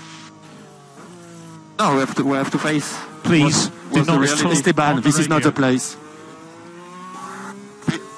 þarna er sem sagt bara liðstjórun hans að banna honum að tala bara hann ætlar að koma ætlar að fara að væla eitthvað bara don't talk on the radio, don't talk, stop talking ruggla dæmi hann var greinlega búin að vera á æla eitthvað að syngja undan Já og síðan var þetta náttúrulega já bara þarna eftir reis að þá hérna þeir vildu alls ekkert að hann væri eitthvað greinjandi í talstöðinu og ég hef aldrei heyrt liðstjóra svona aggressiv við var þetta ökumann sinn. Cyril? eða? Eða var Nei, nei, nei, þetta engineer? var bara hans engineer bara, uh, bara magnað sko Nei, Ég meina þeir vonuðist líka klálega eftir meira á Monsa Ég meina þeir, þú Já, veist, og miðað við hvernig það var í fyrra Þeir voru verri enn í fyrra, eða sérst 0,01 sekundu eða eitthvað Þeir voru svona á pari sérstaklega sko ef við horfum á það að top 3 náttúrulega bara voru ekki í myndinni Þannig að Já, En þetta var, samt þetta var Bruno skrítið komnir upp í 5. sæti í kefnum bílasmiðan Núna með 71 stygg, komnir á undan Ferrari Þetta er síðasta keppnin í bíli fyrir Runo og Monsa Já, það er- komu fréttir Alpín lið á næstari Ámar ekki, þú veist, ég les þetta sem Alpine Já, En ég líka. er ekki sagt Alpín Ég held að á frönsku Alpine Renault Það er líka eitthvað En meira munið ekki cool, heita sko. samt Alpine Renault Það verður þetta bara Alpine Formule 1 Veit það ekki, En hann verður allan hugulega blár og eitthvað Hann verður geður líklegast Og kannski eru ögreitt skref í nútímanum Þú veist, þegar við erum að horfa á það að Líklegast verða flesti bílar, bara ramarsbílar á næstu árum Akkurát þannig að þú fer bara út og kaupir þína Toyota skiluru og hún er með ramasmótor en svo verða til einhver svona sportbílabrönd fyrir áhugamennina sem að verða ennþá með bensinmótorum þessu saman hvort það er, þú veist, undir fyrirtæki eins og, þú veist, bara tökum Toyota aftur, GRMN, dótið hjá þeim Mhm. eða hvort þetta fer í, í sko, einmitt eins og Alpín, þú veist, sér, sér merki en, og þeir eru vantarlega bara að horfa til framtíðar í einhverju svona branduppbyggingu á þessu brandi það hafa verið endurvekja á síðustu árum raun og þannig að það verið áhugavert en þetta er ennþá runulið, þetta er ennþá samanlið þetta Já, er ennþá já, bor- þetta þú veist, það er mun bara ennþá, heita ennþá Alpín. reikningurinn er ennþá sendur á sömu kennitölu sko. Já Bara En, já. nýtt, nýtt brand í raunni Já. Og Alpine náttúrulega þekkt nafn í motorsporti en Ah, náttúrulega legendary nafn í fyrir- motorsporti, Ali fyrir rallinu. Mörgum árum, já, já Þá er komið að uh, liðinu frá Ítalíu, þessu rauða Já. sem að, já, eru líklega bara sáttir með að Tifosi voru ekki um brautin melgina Já og sko að mínu mati var það gott fyrir þá að báði bíla dutt út Nei, Ég, ég held að það sé minna vandræðilegt fyrir þá heldur heldur en hann að það klára sem að ekstra aftalega Já, Já, en Klörk var alveg að koma sér upp í Já, en sæti síðan hafði hann hafði bara gæst nákvæmlega sama hjá Alfa Romeo Hann það hafði ekki. bara farið eins og múlstitt niður bara eins og á spa, þá komst hann upp í áttunda eða eitthvað og svo bara detta nýr í þrettanda Já, veit það ekki En uh, Ferrari allavega Leclerc 13. í tímatökum kláraði ekki keppna eftir rosalit krass Fettel 17. og kláraði ekki keppna eftir rosalega sker í bílun Já, það er a- a- a- ekki hugulegt að þegar að vinstri petallin fer bara nýr í golfu og gerist ekki neitt Nei og kviknaði í bremslungu og allir pakkin sko Já, já, En bara, magnaði Fettel að fatta strax hvað er í gangi já strax Bremslangan. bara, já, bremsislangan sprakk Já. bara sagði það strax, bara fann þetta alveg þó að það sé break by wire í þessum bílum þeir eru ekki með sem sagt, sömu tilfinningu og þú finnur í göttubílum þínum skiluru, að þetta er bara tölvustýrt en kveikti strax að hvað hafi gest Vettel á gömlum bíl, það er eiginlega allir nýju bílar með breypa á aðeir sko Er það svo leiðis? Já. Ekki pólóin maður Nei, ekki pólan þinn En um, sko Fettel náttúrulega dettur út í Q1 sko Já.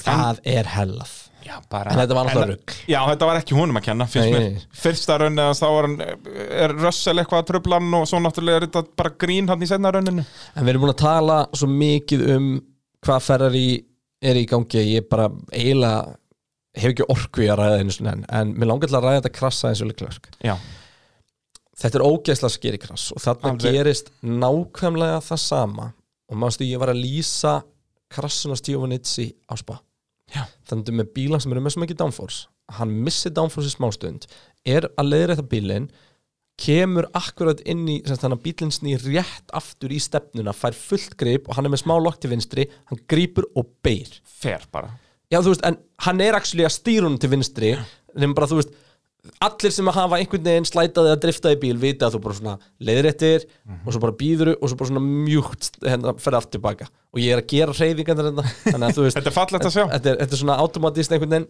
En það sem gerist þarna er að þú, hann byrjar fyrir mjúkt yfir og svo bara grípur bílinn og það er bara eins og honum sé kastað Já. þetta er ógeðslegt krass og, og já, líka það sem mér fannst mjög óhugnægt við þetta er hvernig veggurinn sko gleipir hann. hann venjulega sér maður bíla fara í þessa veggju það eru svona plastplötur utan að dekja veggunum Já. og þeir, þú veist, þetta er hanna til þess að þeir eru að fara í þetta og skoppa Æ, þetta er eitthvað bara nógu mikið krass og nógu beint á til að hann bara Já, hann rífur bara, já, og stoppar og þá náttúrulega gerir G-kraftin svo svakalut hann stoppar bara En það er lægið með Klörsen, hann er aumur náttúrulega eftir þetta Skiljanlega.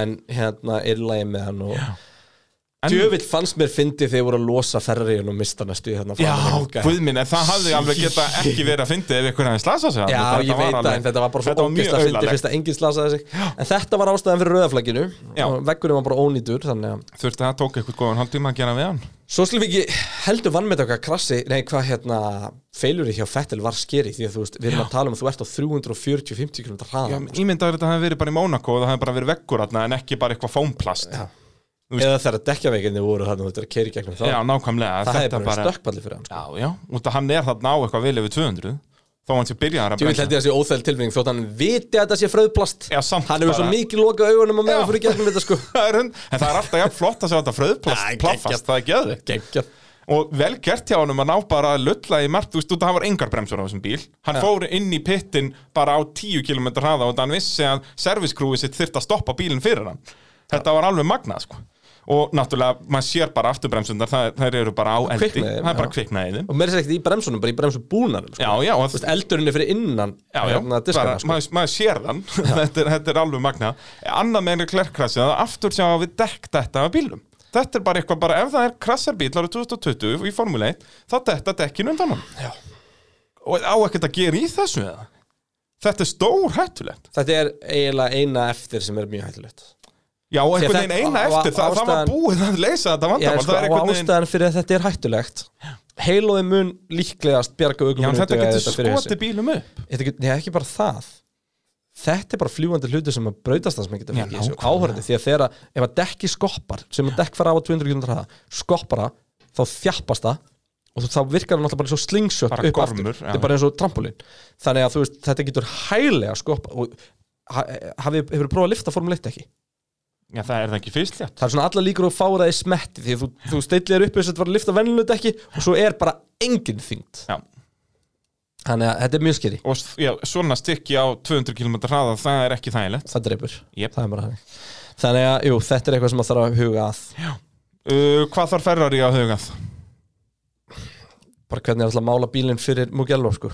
Já, það er ekkit annað sem ég geta gert Það þarf að skoða þeir það eru bara að býða Þú veist, Þeir voru með, hérna, ég sé að þú skrifa niður hérna með afturvængin hérna já, jú, það var reyndar eitt sem ég langaði alltaf að minnast á Já. tókstu eftir því hvað þetta var eitthvað ömulega ljótu pakki á ferðinu já, Þetta var bara eins og legobíl Þetta þú var veist, þú ógeðslegt. horfðir á afturvængin á, á hérna, á Alfa Tauri og- Alfa Tauri og og, fleirum Red og- Bull og hann kemur svona á og það kemur svona smá dipp í miðjun á honum og eitthvað svona, það er eitthvað hugsun á bakvið hann þeir, Ferri voru bara með afturvæng sem hann leit út eins og þessi plata sem ég var að tala um í formið þrjúbíl þú veist, hann var bara flatur og hann var alveg kössotur einhvern veginn sko, bara 90 gráð hot eitthvað sem hún sérði ekki í formule 1 Nei og hérna, hann bara eins og það var engin hugsun á bakvið hann Þe, Ég man samt ég held á Silveston, þá hafði þeir verið með hérna að hann farið svona niður í miðjunni og eitthvað Já. En núna, já, En greinlega þá er það lowdown force pakkin og núna er að tala um ultra lowdown force sko. Já, pakkin eitthvað svoleiðis, að þá, þá er þetta breytingin Alveg fárlegt sko Alveg bara, og já, þetta er En eins og ég segi, ég held að þetta eins og meðlega klærk, segjum að ef hann hafði klárað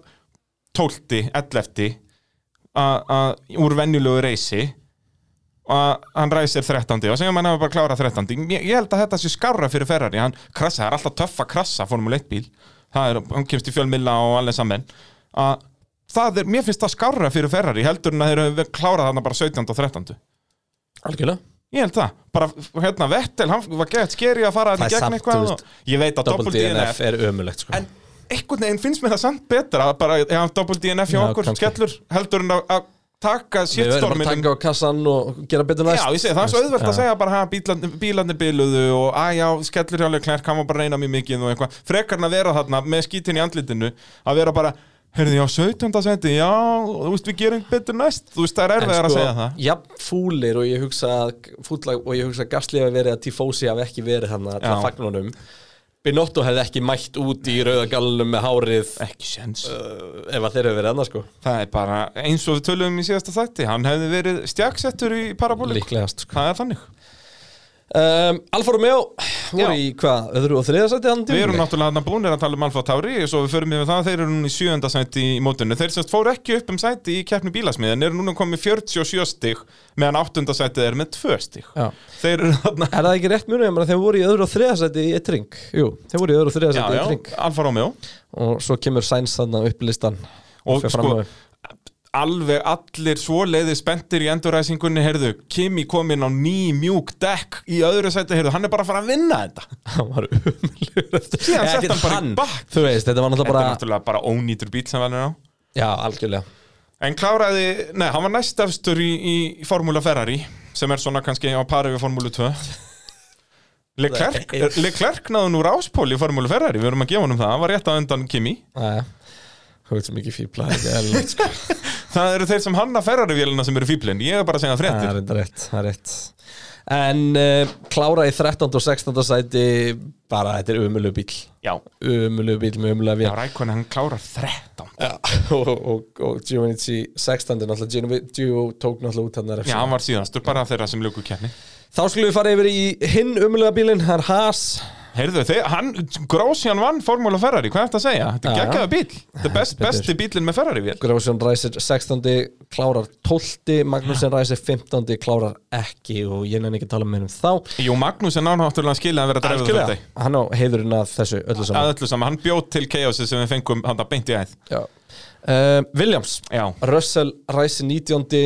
klárar 14. Latifi ræsir 20. klárar 11. og kannski svolítið pyrrandi fyrir Williams að ná ekki að nýta sér þetta Já. Ógeðslega pyrrandi fyrir að Latifi hafi líka verið í 11. sætin ekki allavega drullaslega ná í eitt stig á þessari, já, bara sorglegu helgi fyrir Formule 1 Algjörlega, já, já sorgleg og ekki sorgleg Nei, ég finnst ég ætla ekki að kalla hann sorglega Nei, því að vonandi bara að sko, fara að þetta, rífa er, sig upp þetta, er, þetta er enda fyrir neira Já, ekki bara hjá Williams, heldur bara hjá Formule 1 því að þessi fjölskyldu eh, lið lið í eigu fjölskyldna hafa núna liðið undir lok já, og Þetta mun voru- ekki koma aftur held ég Nei, Það er bara ekki séns strollreising getur þetta til Já, hérna, þú veist, Ferri var svona lið Williams var svona lið, McLaren var svona lið þú veist, en sjá allir með McLaren McLaren fyrir ekki um þrjú tímubil fyrir fyrst ekki um tímubil það sem að Bruce McLaren raunum bara á það og reykuða og þegar hann deyr þá er að vinurna sem að reykuða með honum sem Mhm. tekur bara við fara svo inn í Ron Dennis erað Mhm.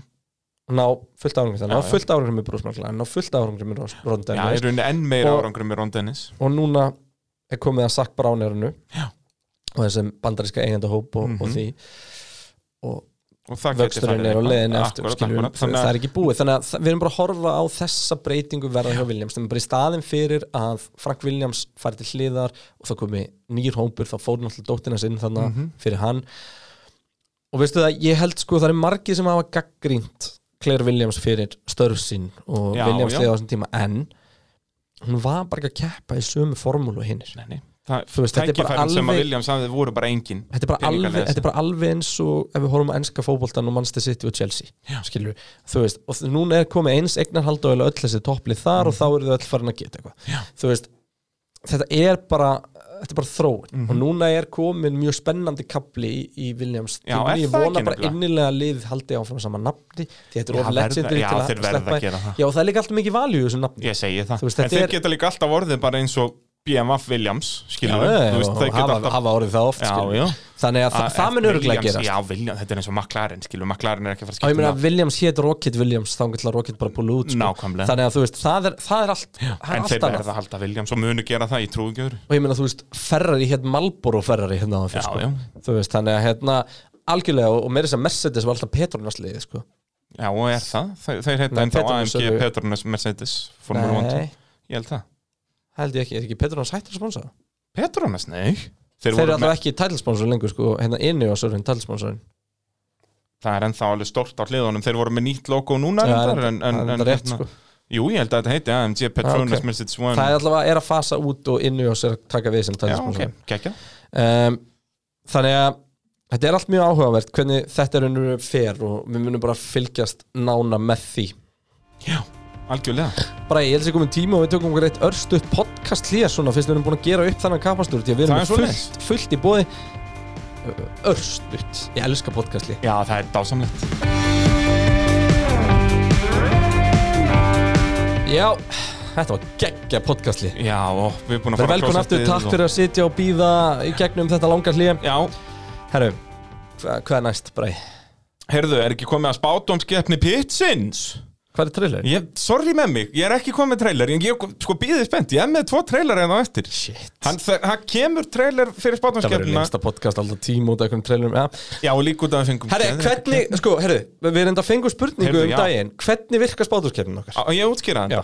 Við erum sem Hey, sagt að- átt þú útskilt, þú, þú átt þessa keppni og svo einu sem skilur hverði gangi það er alveg ótrúld að ég sé að vinna þig Já, þetta er magnað uh, Spátamskeppnin okkar virkar þannig að við erum að spá fyrir um úslit efstu þryggja en við sleppum því að Hamilton, Bottas og Verstappen er að keppa Já, við erum að byrjuðum á því og það voru svo leiðilegt út í því að þú veist, bæði bara ef einhver datt út, þá voru við báði með hann og Já. þú veist, þetta var, þetta var glatað Já. skilur við, Þannig að við byrjum í raun að spá fyrir um sko fjórða til sjötta sætis en ef til dæmis Verstappen endar 50 það er bara Að- þurrkuðan út Já, við hann, bara bara, hann, er þurrkum með bara svo ekki, hann er bara ekki í stigatöfli Akkurat Þannig að ef að eitthvað hefði sett Gastli núna efstan þá verður það 0 Já. Þó að við verðum tæknilega að spá fjórða til sjötta sætis en akkurat, þannig að ég held að að fólk skilur þetta núna Þannig að þú ert með Albon efstan í þessum hóp Það eru svo lit mínus 12 Frábært Út að það eru þannig að tveir messagesar sem við þurrkum út í rauninna á leið Þetta var ekki mínus 14 eins og eðlilegt væri Já, e- Eh, æðislegt Rikki Ardó ertu svo með, það var svo lit, það var bara mínus þrýr þar Já, já.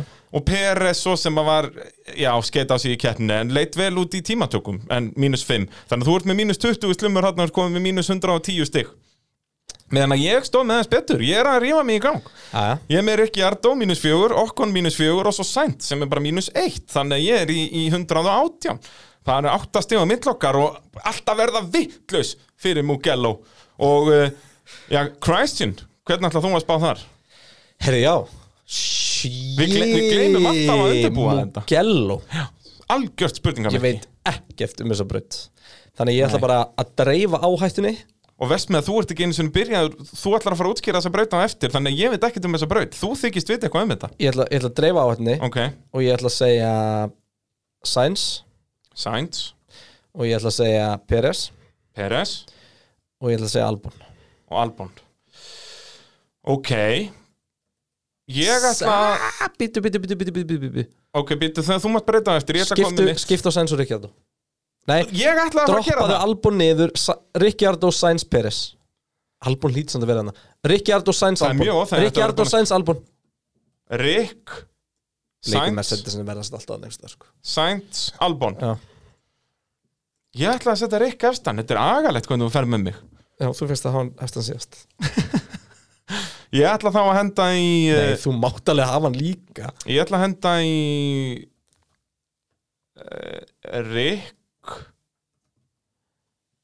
Peres Stroll Ég var búin að hugsa eitthvað svipað sko Ég ætla að henda tveimur racing point bá- þarna inn í Blake og pottin Benson hana Ég ætla að henda þeim í pottin og sjá hvað kemur En út af þetta, er- þetta þeirri er kassu allavega mjög, mjög þetta, er ekki, þetta er ekki líkt hjá okkur Nei, það- ég ákvað að henda einu Svo, tveimur sko, leikum svo skulum við ekki vann með þetta eitt sem ég er nú ekki búin að segja Þú veist hver á Mugello Nei Ætlar að fara að tala um, þú talar um Mugello á eftir Við skulum halda en bara hestunum út í verðum að fara Veistu ekki hver á Mugello?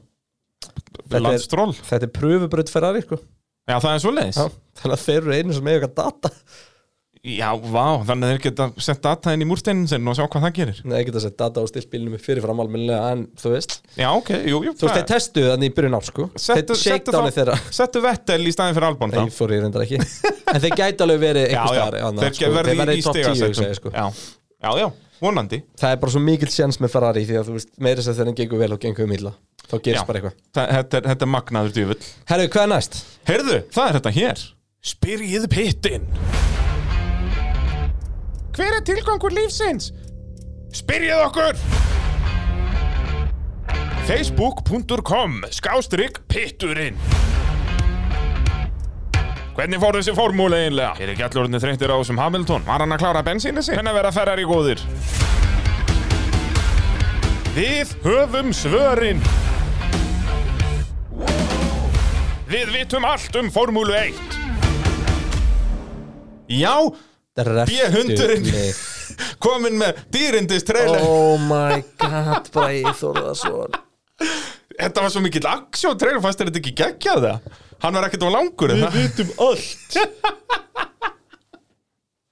Ég elska líka, ég tek þetta alltaf upp hérna á mótnana áður en þú kemur Hæ Ah, ég, ég elska sjálfa mig, ég, ég er svo fyndin Ég hef svo gaman að sjálfa mig, Kristján Að það hálfa væri helling Ég getur ekki bara búið til braga-trailerin Jú, ég held að á endanum verður þetta svoleiðis Þannig að það Þegar við kom erum- ekki sögustund hjá þér og eftir Já, þannig við að- erum, við erum, að- þegar við dettum inn í svona season 23 að þá verður komið sér trailer fyrir Braga Bara alltaf áður en þú talar kemur Já, eitthvað trailer Nú ok. ætlar Bræði að tala um Aston Martin du, du, du, Þetta verður geðvegt Heyrðu, uh, Facebook komment Jakob Helgi spyr, uh, hvaða möguleika eiga Williams með nýju eigendur, hvað þarf mikið að gerast til að þið rífi sér í gang?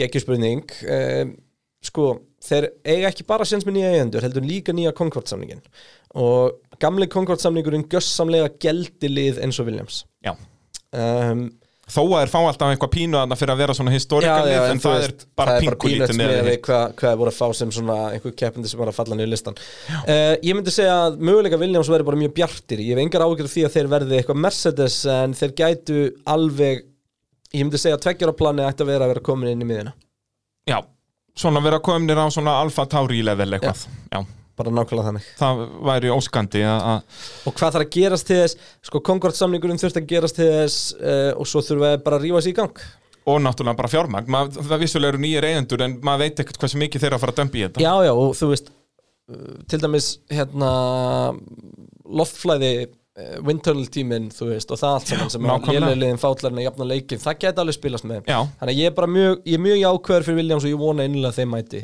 aftur Uh, Sindri Fannar er ekki með spurningu, hann kemur bara með bref, bara formlegt bref sem ég ætla að lesa hérna upp, út því að mér fannst það dásamlegt. byrjum við Kæru stjórnendur Pitsins, ég vil hér með skora á ykkur tvo ásamt stjórnendum Viaplay já nei nei að þið takki, Nei, þetta, er, þetta, þetta, þetta er ekki okkar slagur hérna nei, það er bara hérna þetta er, þetta er alltaf skána hefðum já það er svoleiðis. Já, já, Ég er, ég horfa á þetta á F1 TV þannig að það er hérna, ég veit ekki neitt. já. Uh, Andri Viðar spyr, hvað gerist hjá Red Bull? Alveg fram á því að Max datt úr var ekki neitt að frétta hjá honum, Albon svo gott sem aftastur og minna en ekkert að frétta hjá honum, svo gamla klassiska burningin sem þið fáum vikulega, Albon út fyrir Gasly. Gasly hefur kannski engan áhuga á því, þetta virðist vera skemmtilegra með Já. minni pressu, da da da da da. Kann að meta hvernig þú lest alltaf alla spurningun og líka sko svona kommenti með en ekki Já, bara spurninguna ég, ég, ég bara les það sem stendur á skjánu uh, Hvað Þangað til þú gerðist stoppar hjá mig. Red Bull? Þeir bara voru ekki góðir og ég held að þeir eigi ekki alveg skýringuna fyrir því. Ekki ennþá Við eigum allavega. ekki alveg skýringuna fyrir því. um, Ég er alveg viss um að þegar þeir komu inn í helgina voru þeir að búast við eins og við vorum að tala um að þeir væru að fara að vera nær Mercedes heldur en hafa verið bara út að lóta ánfórspakkanum en svo bara reyndist það ekki vera þannig að hérna ég veit það ekki alveg Þú Ég veist það bara- ekki alveg? Já, ekki svörum Nei, við ég er þessu Þrátt sammálaður. fyrir að þú hafi verið að segja Við vitum allt um formúli Já, þetta er skellur Ég kannski þarf ekki, bara ég tek upp nýjan trailer fyrir næsta, ég hef svo gaman að Við vitum sumt um formúli Uh, Minn maður Patti spyr uh, Ég sá viðtal við Hamilton og Wolfhard sem þeir myndust á að það að bílinn fyrir seinast ár hafi ekki verið neitt spes og hafi í raun ekkert virkað fyrir en Hamilton fekk að pröfa stillingar sem að verkfræðingarnir vildu ekki setja bílinn í Veit ekki með þetta Ég held að bílinn hafi nú verið svolítið meira en spes Já, hann var En hérna, pínu spes.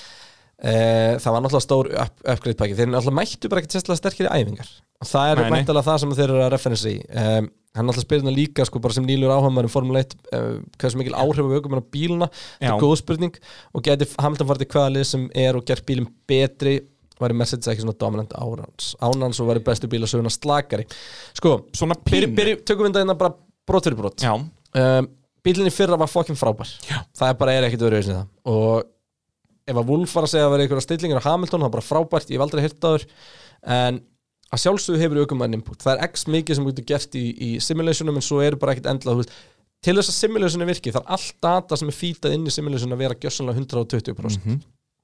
og ef það er eitthvað off, einhvers staðar í datanu einhvers staðar í vindtölinu eða eitthvað, það eru svo margir viðkvæmi punktar hana, það til dæmis gerist klálega hjá Ferrari í ár Já. þannig að uh, já Hamilton hefur, hefur áhrif og Hamilton er náttúrulega Algjörlega. keirir hann bíl ógeðslega hratt og hann er að gera allt sem liði vill og Eh. aðeins meira en það um, En hvers- sko, fer, e- ef, að- ef að Hamilton myndi fara í hvaða lið sem er, hann myndi kannski gera bílinn eitthvað eins betur, en hann myndi ekki vinna á öllum bílum, langt Nei, nei, í nei, frá. nei, þú veist, hann get ekki hoppa bara upp í, upp Upp í í Ferrari Williams bara, núna og, já. og unnið, sko Nei, nei. En, En þetta hefur alveg einhver áhrif, en já, og, ekki... og í þróun eru slíku, þetta snýst alltaf um feedbackið og bara hvernig ökumærin hendar á móti bílnum Þannig að já, ökumærin hefur klálega áhrif og hann gæti öruglega gert bíl hjá öllum liðum komið með valuable input sem gæti gert það betra Já, Já, al- algjörlega. en hann er ekki að fara að rífa þá bara Williams úr síðast sæti upp í að fyrsta bara með að mæta sko. um, Væri Mercedes ekki svona dominant ánans?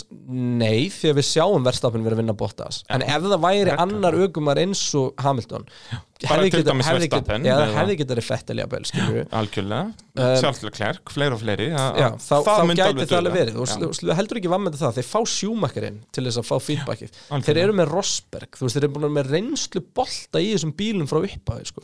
þannig að hérna þetta er spurning sem verður ekkit rétt svar við, þetta er samt frábær spurning en já, Hamilton hefur áhrif nei, liðið er ekki bara hann Nei.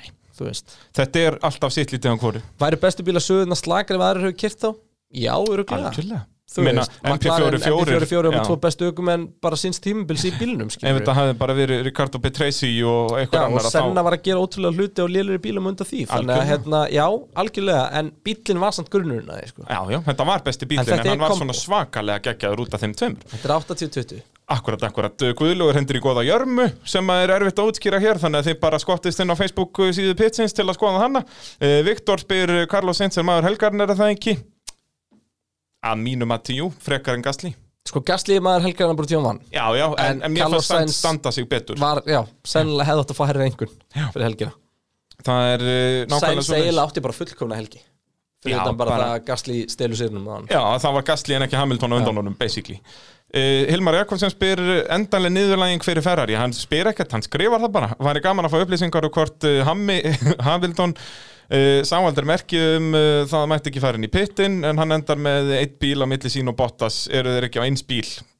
Þetta er svolítið sem við vorum að fara yfir áðan eða sást þarna hvernig öflug, hversu öflugur Hamilton er. Þetta verður langur þáttur hjá ykkur, já, heldur betur og, og við erum bara rétt að byrja hérna. Og, og býð spenntur því það er ekkert að gerast að Viaplay í því málum ætla að skipta yfir á Sky Sport. erum við orðin eitthvað vettvangu fyrir þessa umræði? já, það, það, mér sýnist það. um, Sko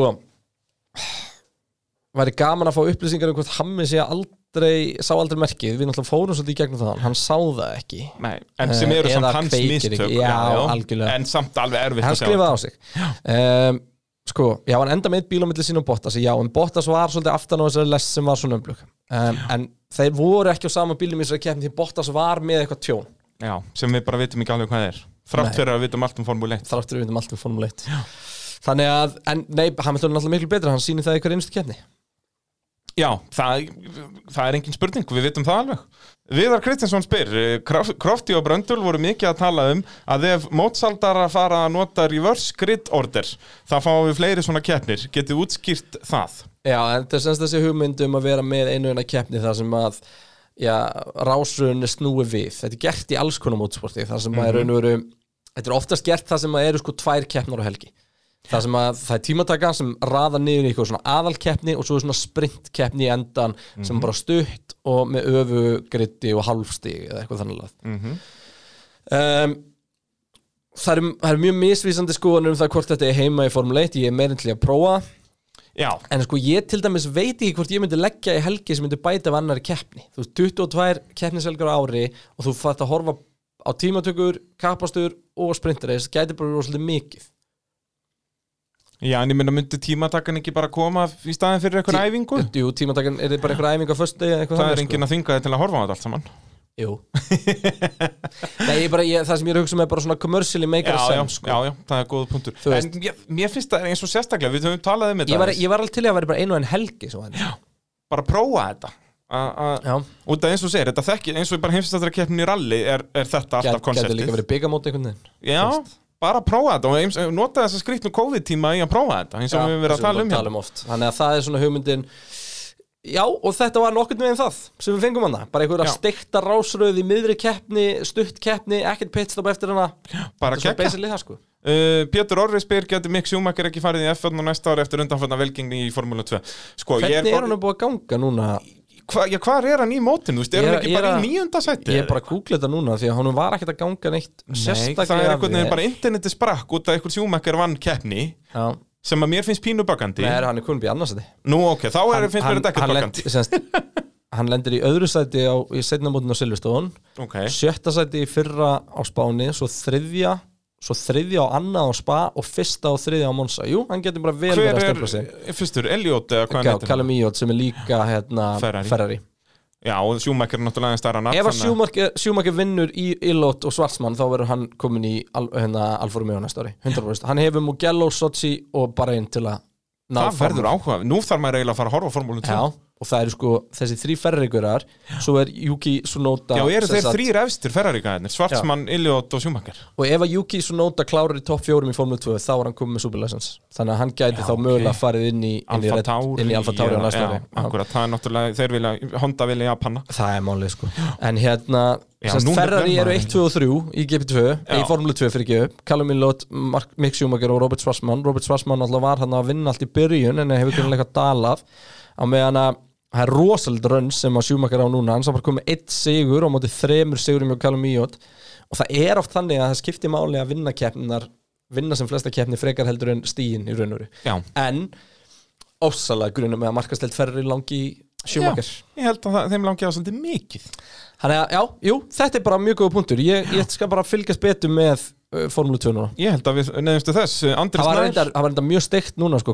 Hann, býttunum við sjúmakri gæti verið orðin fyrstur eða hvað, því að sko það var mjög steikt dæmi, kallum í og það var sko dæmdur á hann og sigur á Monsa kannski vann, vann hann fyrri keppnin og var dæmdur út úr henni eða fær- fær refsingu Sko, Nú bara hreinlega þekki ég þetta ekki hann, hann sem sagt var bensinlaus Já, á frábært leiðin inn hann stoppaði út af mér í braut og það var mjög skrítið þegar að sko, hérna læknabílinn leggur í fyrsta sæti og hann stígur út úr húnum og, Já, já en svo var ekki nóg mikið bensin í bílnum Já, alveg rétt, ég sá hérna Jörmu að þessu að meira segja í formúlu 2 að þá vinnur Mercedes og það hann var í miðjunni það er þetta geggja, Ah, en ég mjög bara gott. sé að þetta er bolta hérna á Já, það er Á, svoleiðis, eh, þetta er eitthvað svona Wikipedia. under investigation eitthvað svona dæmi veit það ekki Vi, Við komumst að því setna, uh, nei, Andris nei, bolt því er pole position já. en þú veist að hann var dæmdur úr keppninni nei, það var Dan Tiktum, sorry diskólafættina, þannig að Callum Illot vann í raun og veru út af því að Dan Tiktum var diskólafætt bara bing það var ekki Callum Illot, sorry, það var hinbreytin Þá ætla ég að segja hvað Andris Nær hann að segja já, segjum það uh, Hvað hafði Sainz geta gert öðruvísi til þess að vinna kjarnina? vera heppin með pitstop Já, þetta var Þetta basically var, það það var ekkert sem að hann gerði vittlust Nei, gerist það vennulega aukumenn sem fá refsingu farið til stúarta að kvarta eða er Hamilton bara svona mikið crybaby? þú í raun og veru, hann fer ekki til að kvarta en þú ferð, já, þú veist ég raun og veru hvert einn skil sem að fara refsingu að þú kallaði til stúartana hvort Já. það er sko uh, ég bránaði með Hamilton, hann er bara sjúkur í að vinna þetta er ekkert kræpa upp í dæmi Mér fannst þetta pínu öðruvísi og það er langt síðan við sáum þetta síðast bara út af því að við fáum ekki svo mikið af rauðum flökkum að ökumæður farið, þú veist maður mann alltaf eftir þessum Alan Prost og eitthvað svona ökumæður farið til stúartana, hvort sem hann fór þangað sem sagt út af sjálfum sér eða hvort hann var kallaður þangað, veit ég ekki, sennilega ekki kallaður Hamilton var ekki kallaði Nei, ekki sens Þannig hann að, bara sá eitthvað hlaupahjól og fór að stað já, hann elskar gott hlaupahjól Það er, það er óvænt að segja það þetta, lít- þetta, þetta er eitthvað grimt spons Jú, já, það getur þetta verið 100% Það, já, blessa, það verður uh, Yngvar Rúnar spyr uh, Hamilton endaði aftastur með 23 sek í næsta bíl Gunnaði svo bensan og endaði í sjöndasætti Bottas svo fastur í fintasætti Af hverju var svona mikill verður munur á að framstöðu fara að para þessar spurningar Ég saman veit það, ég verður að fara að rífa mig í gang Já. En þá fáum ekki allir sjá, þetta er skellur ég hugga bara yngvar og Já, ok, já, það- þetta er góð, sp- góð spurning En við vorum að svara þessari já, spurningu við vorum að svara rétt á hann Jú, uh, hérna Hvað Halldór spyr hérna uh, Eftir að hafa séð replay Fannst ykkur þetta augljóst brot hjá Benz með pitstoppið já, Já, þó að þetta var bara óhefn að þeir fengu svona lítinn tíma til að átta sig en þeir átta alveg að átta já sig Það er en svolítið þú veist, svolítið þú fari ekki mikið tíma til átt að ég formule 1 Nei, nei, það er nákvæmlega þannig Viktor Orri spyr svo hér að lokum Haldið að Ferrari koma aftur í toppslægin á næsta tímabili að verða er ennþá í vesenni Þetta er alltaf, við fáum Ég alltaf það myndi að segja er annað- að við séum svona 90% líkur yfir vesinni Já, þeir verði minna vesenni en þeir verða ekki í toppslagnum Hund, ja. Þeir ég, verða ætla, svona- ég ætla ekki að segja 100% Nei, Þú veist, en já ég, þetta er ég, líkin. ég ætla að segja að þeir verða í þriðasetti keppnum bílasmiða á næsta ári Ég ætla, Það Gæti er minn, spá, minn spádómur Gjóti gæst Það er svolítið svoleiðis uh, Er það ekki bara komin tíma á þetta? It's lights out, away we go. And Monsieur Beckham's checkered flag puts the seal on Fangio's whip. One, two, three, four, five cars off at the corner. Eight seconds later, and it's Sterling Moss in second place. And James Hunt is the world champion. And he's going through. Oh my goodness, this is fantastic. And if you no longer go for a gap that exists, you're no longer a racing driver. That didn't work, Michael. You hit the wrong part of him, my friend. Já, það er söguhotn Braga Jésús Það, heyrðu, þetta var bara mjög professional trailer, Já, Kristján já, ég veit það. Þetta, þannig var engin fýblagangur, núna er ég bara honum Bragi Þórðarsson, stö- sögustundamaður Já, hvað okay, þetta er samt gaman að hlusta á, á gömlu lýsendina maður Já, þetta er geðveikt ha, Murray Murray Walker Walker er svo og, geggjaður, og sko. bara ennþá fyrir það náttúrulega Sterling Moss var hann í smástund Ég glemdi reyndar að hendum klippa af honum þegar hann var sem byrjar að lýsa Og kvót frá Arton Senna, þú veist, þetta er bara dásamlega þetta að heyra þetta Hvað Ha? ætlar að segja um mér? Heyrðu, þetta er allt saman um Monsa uh, Nú Monsa, hún var já, svo braut sem að hefur verið keft oftast á í, í Formule 1 Hefur Er verið keppt svo á- braut sem að hefur verið kæft oftast á Akkurat Formule þar sem 1. það er nú ennþá verið að keppa á henni Einmitt. og Mér hefur fannst verið þetta keppt var öll ár eitthvað skrítið. Já, þetta er eh, einkennilegt hefur verið keppt þar öll ár bara síðan Formule 1 var stopnað þarna 1950 nema 1980 þá var verið að smíða nýja pitbyggingu þannig að það var keppt á Ímóla í staðinn Eh, Brautin var byggð árið 1922 og var þriðja brautin í öllum heiminum sem var sérstaklega smíðu til Kappakstus á eftir Brooklands í, í Bretlandi og Indianapolis í Bandaríkjum. Indianapolis náttúrulega ennþá í til en, en Brooklands var, var sprengt í, í setni heimsturöldinni þar sem að þetta var náttúrulega alltaf notað sem flugvöldur líka. Það var alltaf herrflöðlir Já, Og eh, já, ítalskur ökuminn eru sögulega lélegir á brautinni. Síðasti ítalinn sem vann á Monsa var Ludovico Scarfiotti. Skarfjóti Ég veit ekki eins og hver það er Hann vann hann 1966 Eftir það vann vissulega Mario Andretti En þó hann fættist á Ítalju þá kefti hann undir flaggi bandaríkjana Þannig að, að það var ekki ítalskur sigur Eh, Minnsti munur mittl fyrst og annarsendis í söguformule 1 Var í ítalska kappæktunum árið 1971 á Monsa Peter Gethin vann Ronny Peterson með hans 0,01 sekundu í fórskot og það voru hans 0,61 sekunda sem að voru á milli 5 efstu bílana þannig komið þeir allir bara í einum hnapp út úr parabólikunni Það, það er Þetta var eitthvað sem við geggjað. sjáum svolítið oft í sko neðri kemnum Akkurat, sem og- við lýsa á það og þannig mitt 71 þá var ekki mikið um downforce og þá var þetta alveg sami pakki uh, alls hafa fimm Formule 1 ökumenn láti lífið á Monsa sá síðasti var einmitt Ronny Peterson sem myndist á þann en hann lést hann 1978 þegar hann já, klesti á, á vegrið og, og nokkra bíla uh, sem sagt rústar á sér löppunum þær voru bara já, alveg brotnar í, í keng og, og, og deyr í rauninni að völdum svona eitthvað svona blóðtappa í rauninni út að það náttúrulega var ekkert farið með henni í þyrlu þarna fyrir bara eftir tvo klukkutíma eða eitthvað og eftir þetta var se- se- se- reglan sett á að öryggisbíl skildi fylg, fylgja Formule 1 bílunum í gegnum fyrstu beigju og gegnum fyrsta ringin og það er hann professor Sid Walkings sem er byrjaðar hann mikill meistari sem lest fyrir nokkrum árum síðan þannig að já, þetta eru mínir puntar í, í eh, já, hvað var það svona sögulega punta um Monsa en eh, já, Kristján, þú átt líka skemmtilega sögu sem þú sagði mér hérna fyrir í einhvernum síðan, það er nú komin ansi langt síðan þannig er um að gera og segja mér hann aftur sem að hafi svona gert þið að manni Já, ha, helvitist tímatakan þetta var dásamlegt Já, sko Monsa 2009 er það, hvað er það, annað árið þitt Eh, Já, Í þá var ég Formúlu að keira í, í Evrópumestarumótinu Já. og um, sko eins og ég sagði að Monsa hefur alltaf verið upp á sprautu mín og árið undan var ég velunapallið hana og ef maður mættur þetta árið setna og, og sko keppnin á undan Monsa, hún var að Magníkur já, í Fraklandi og hérna og þar hafði ég ræst sko sjötti eða sjöundi var búin að vinna mig upp í þriðastætið og sko síðusta beigjan og magníkur það er svona kemur niður brekku er hægri beigja og svo svona hægri vinstri sér keinu í gegnum markið Já. og það er semst bombað aftan á mig einhver glórulaus 50 metra dífa átti aldrei sen skiljúst ég er búin að kíkja í speilin engin hætta, fer inn í beigjan og svo alltaf kemur bara gæja svífandi yfir afturvendan á bílum minnum frábærs sem alltaf semst, heldur betur en á mér þannig að hérna þannig að eh, já brjálar þú veist ég hef getað hlaupið í marku verið í þriðasæti Já. en það þar stutti ég með það Já, já, gott bíl þetta er síðan þarna aftur í, bara aftur í fimmtasæti tíu metrar þetta er tíu metra bóstalega en ég eitti frekar tímanum í að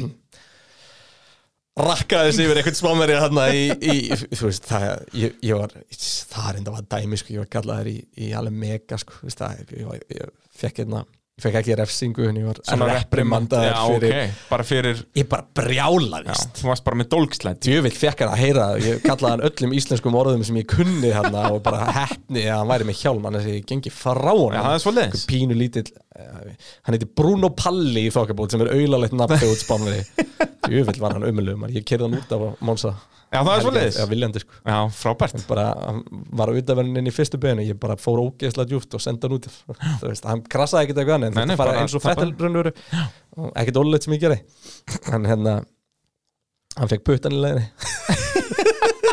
Enda, þetta var veist, svona pínu Dólgur var í lítill þetta var Kristjánum pínu þarna. lítill gæi Já, og ég er, Palli svolítið, litli. ég er svolítið stór af formúlu eitthvað Já, já. aukumann að vera þú veist, ég sé nú bara 1.83 og, og þá var ég 80 kíló sko. en hann fór ekki nálagt mér eftir þetta sko. þú veist, nema á braut þú Já, veist, já, en ef já, hann já. mættust eitthvað starf þá bara, Þá far Palli bara tók hann einhver aðra Þá- línu Þá vildi Palli vera einn í heiminum og þetta er bara verið í ving! heimilum en það sem gerist á Monsa þetta er, þetta er nefnilega, þetta er, þetta er svona mesti eye-opener fyrir mig því að Já. það er ekki holdt fyrir unga stráka að vera í kapastur svona ungir Nú, þú ert með geðveika hormóna og þú þú veist, ok, ég segi það en þú ert hérna, þú ert sko þegar þú mætir á kapasbraut þótt þú sért ekki að segja viðtölum endilega eitthvað líka, þá þarftu beislega að horfa á þetta hérna og hugsa djúðis auðmingar Já. þú veist, Þú þarft að vera betri geðveikt en þeir selfish, allir já, bara, já, já. Og, bara, og það er svolítið svona attitútið sem maður verður og það byrjar að byggjast upp með manni í þessu og þú veist maður er að gera einhverja geðveika hluti og, og hérna og þú veist, þarf alltaf einhvern veginn að þetta er rosalega svona hafa yfirhundina, sjáðu verstapin fólk fer ekki inn í beigju með verstapin því þið vita bara hvernig þetta þannig að þú þarft svolítið að hugsa þannig oft og ég mæti á Monsa og bara allar æfingar er ég sko dóminarandi já, ok ég er bara lang, lang fyrstur þannig að kemur uh, lögðast morgun og tímataka og ég bara, þú veist mæti bara með kassan úti og, og það sést, það eru æfingarnar á fösti tímataka á lögðansmótni, keppni 1 og keppni 2 síðan á sundi uh, ekki sérst, keppni 1 setnipartin á, á lögði og keppni 2 á sundi og ég mæti hann bara með kassan úti og bara ætla Mhm. Grjótharður bara. að rústa þeim uh, fer út og sérst, það er opin hálftíma tímataka í formule 3 þannig að brautin er Já. bara opin í hálftíma það var Akkurat. einn dekkigang Á þessum hálftíma. á þessum hálftíma og það munar kannski svona sekundu á prime og off prime á þessum dekkjum þannig að þú Já. fær kannski tvo ringi prime þetta er ekki svona eins og í Formule 1 Nei, sem þú fær bara einn ring sko og fær kannski tvo ringi akkurat þannig að ég fyrir út þegar svona fimm myndir búin á tímatökunni geggjaðar aðstæður og fer hann að ringi inn og keiri eins og ég veit ekki hvað bílinn er gjössamlega glataður Þú veist, hann er bara handóriður, hann bara undistýr allstæðar fer yfir í snappóvistir, allt í rugli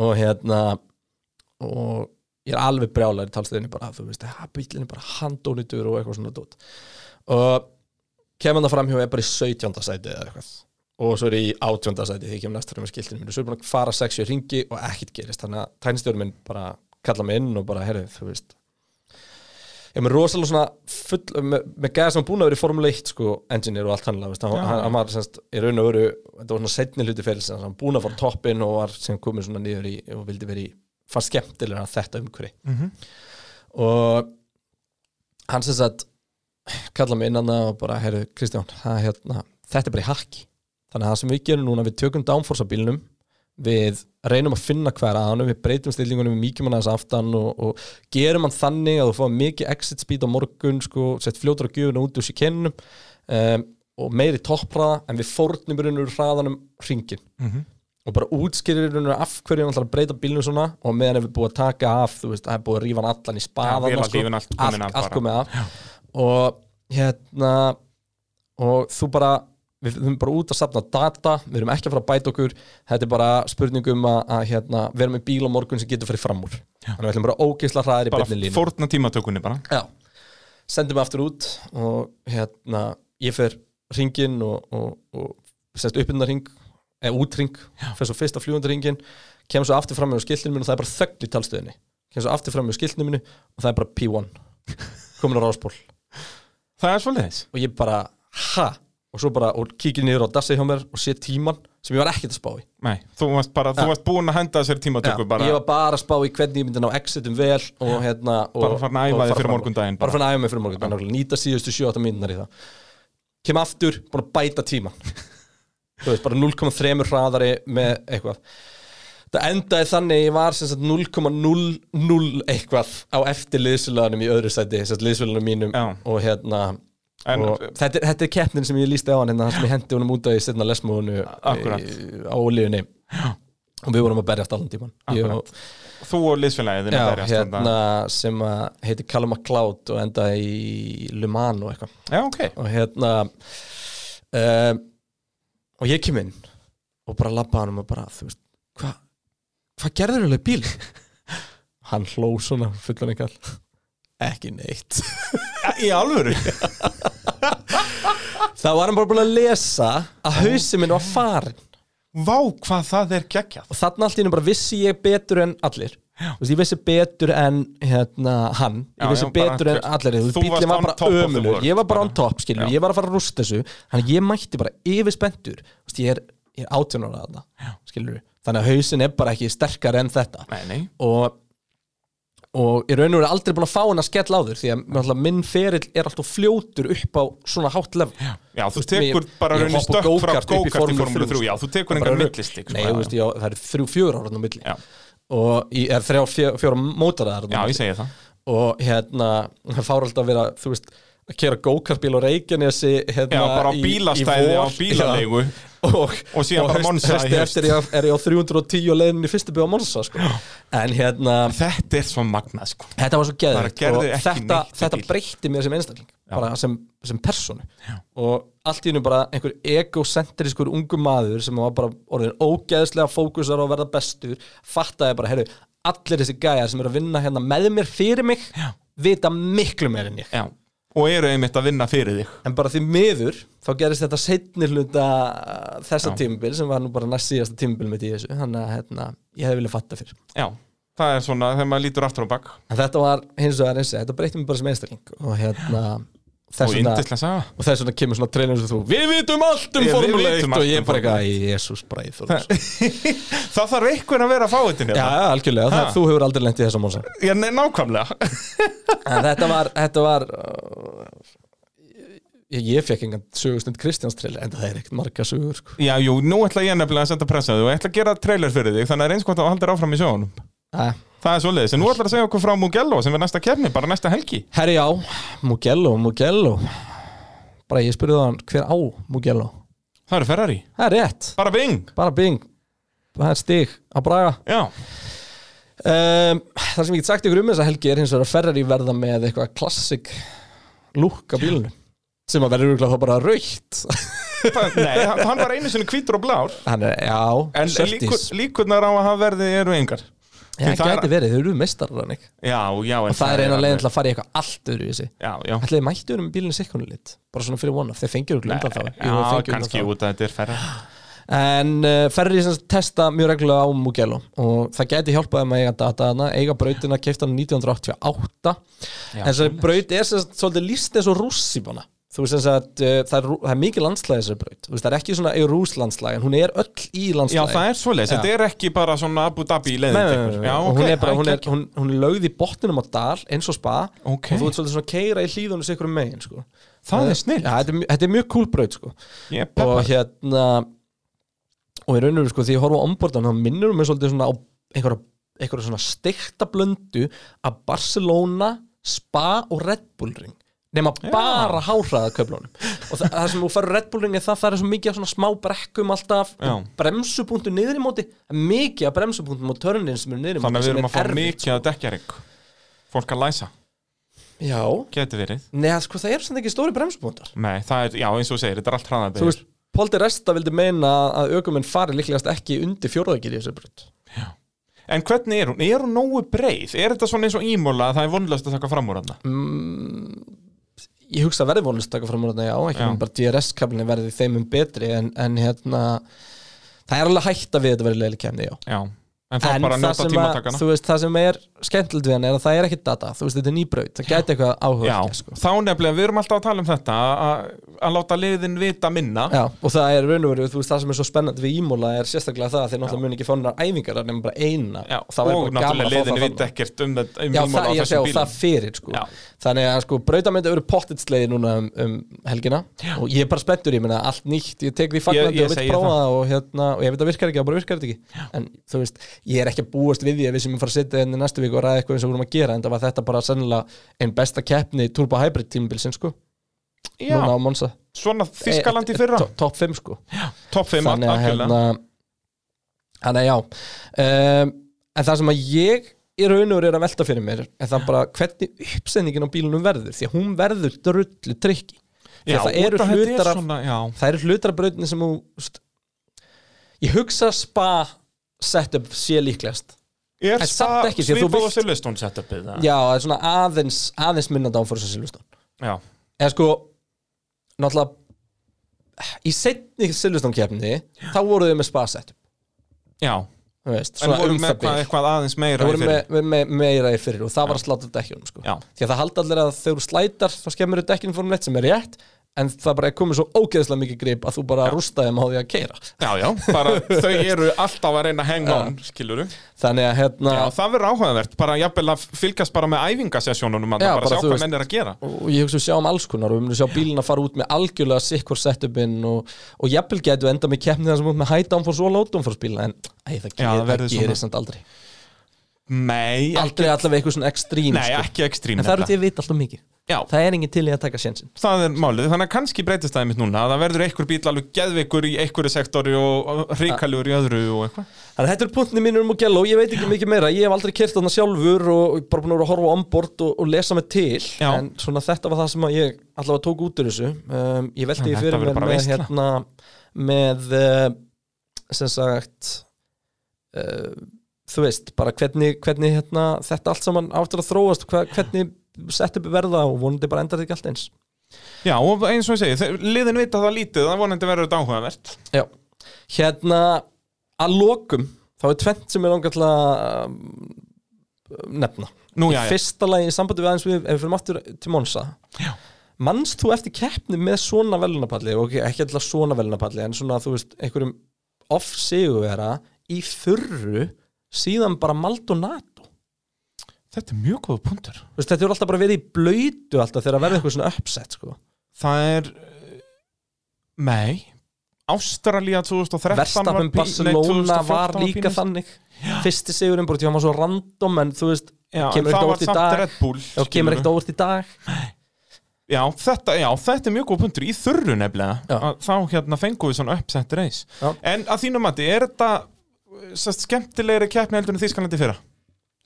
Hún var öðruvísi skemmtileg Þýskalandi fyrra var bara eitthvað kaos Já. Þarna voru við bara að horfa á kappakstur í þurru Bara ekki með bara Benz allt fremstan. svona, ég segi það, allt svona tiltölu undir kontról, Já, meðan og þú að veist, Þískalandi í raun fyrra og var veru bara bara geggjað midfield kappastur sem allt í hennu var bara svo þýðinga mikill Já.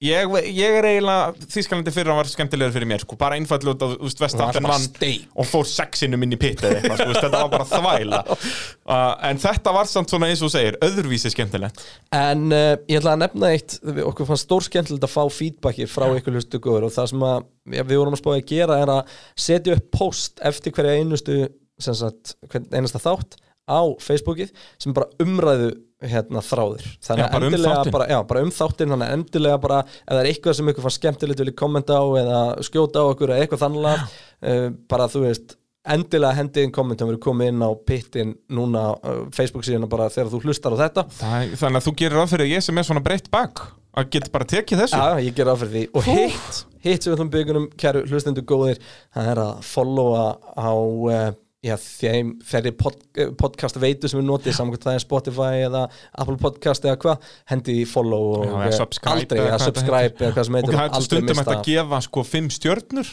mælum eindriðið með því Já, þetta er fimm stjörnu podcast Já, og þetta það var segir fimm, sig sjálft. þetta var fimm stjörnu lokun, þetta var fimm stjörnu keppni Dömunur og herrar, Mugello næstu helgi og pitturinn verður uh, þar, eða svona, já, já, þannig séð þau, þau vita ekkert betur þau sem eru að hlusta Já, gott við erum hérna í, í lesbjörn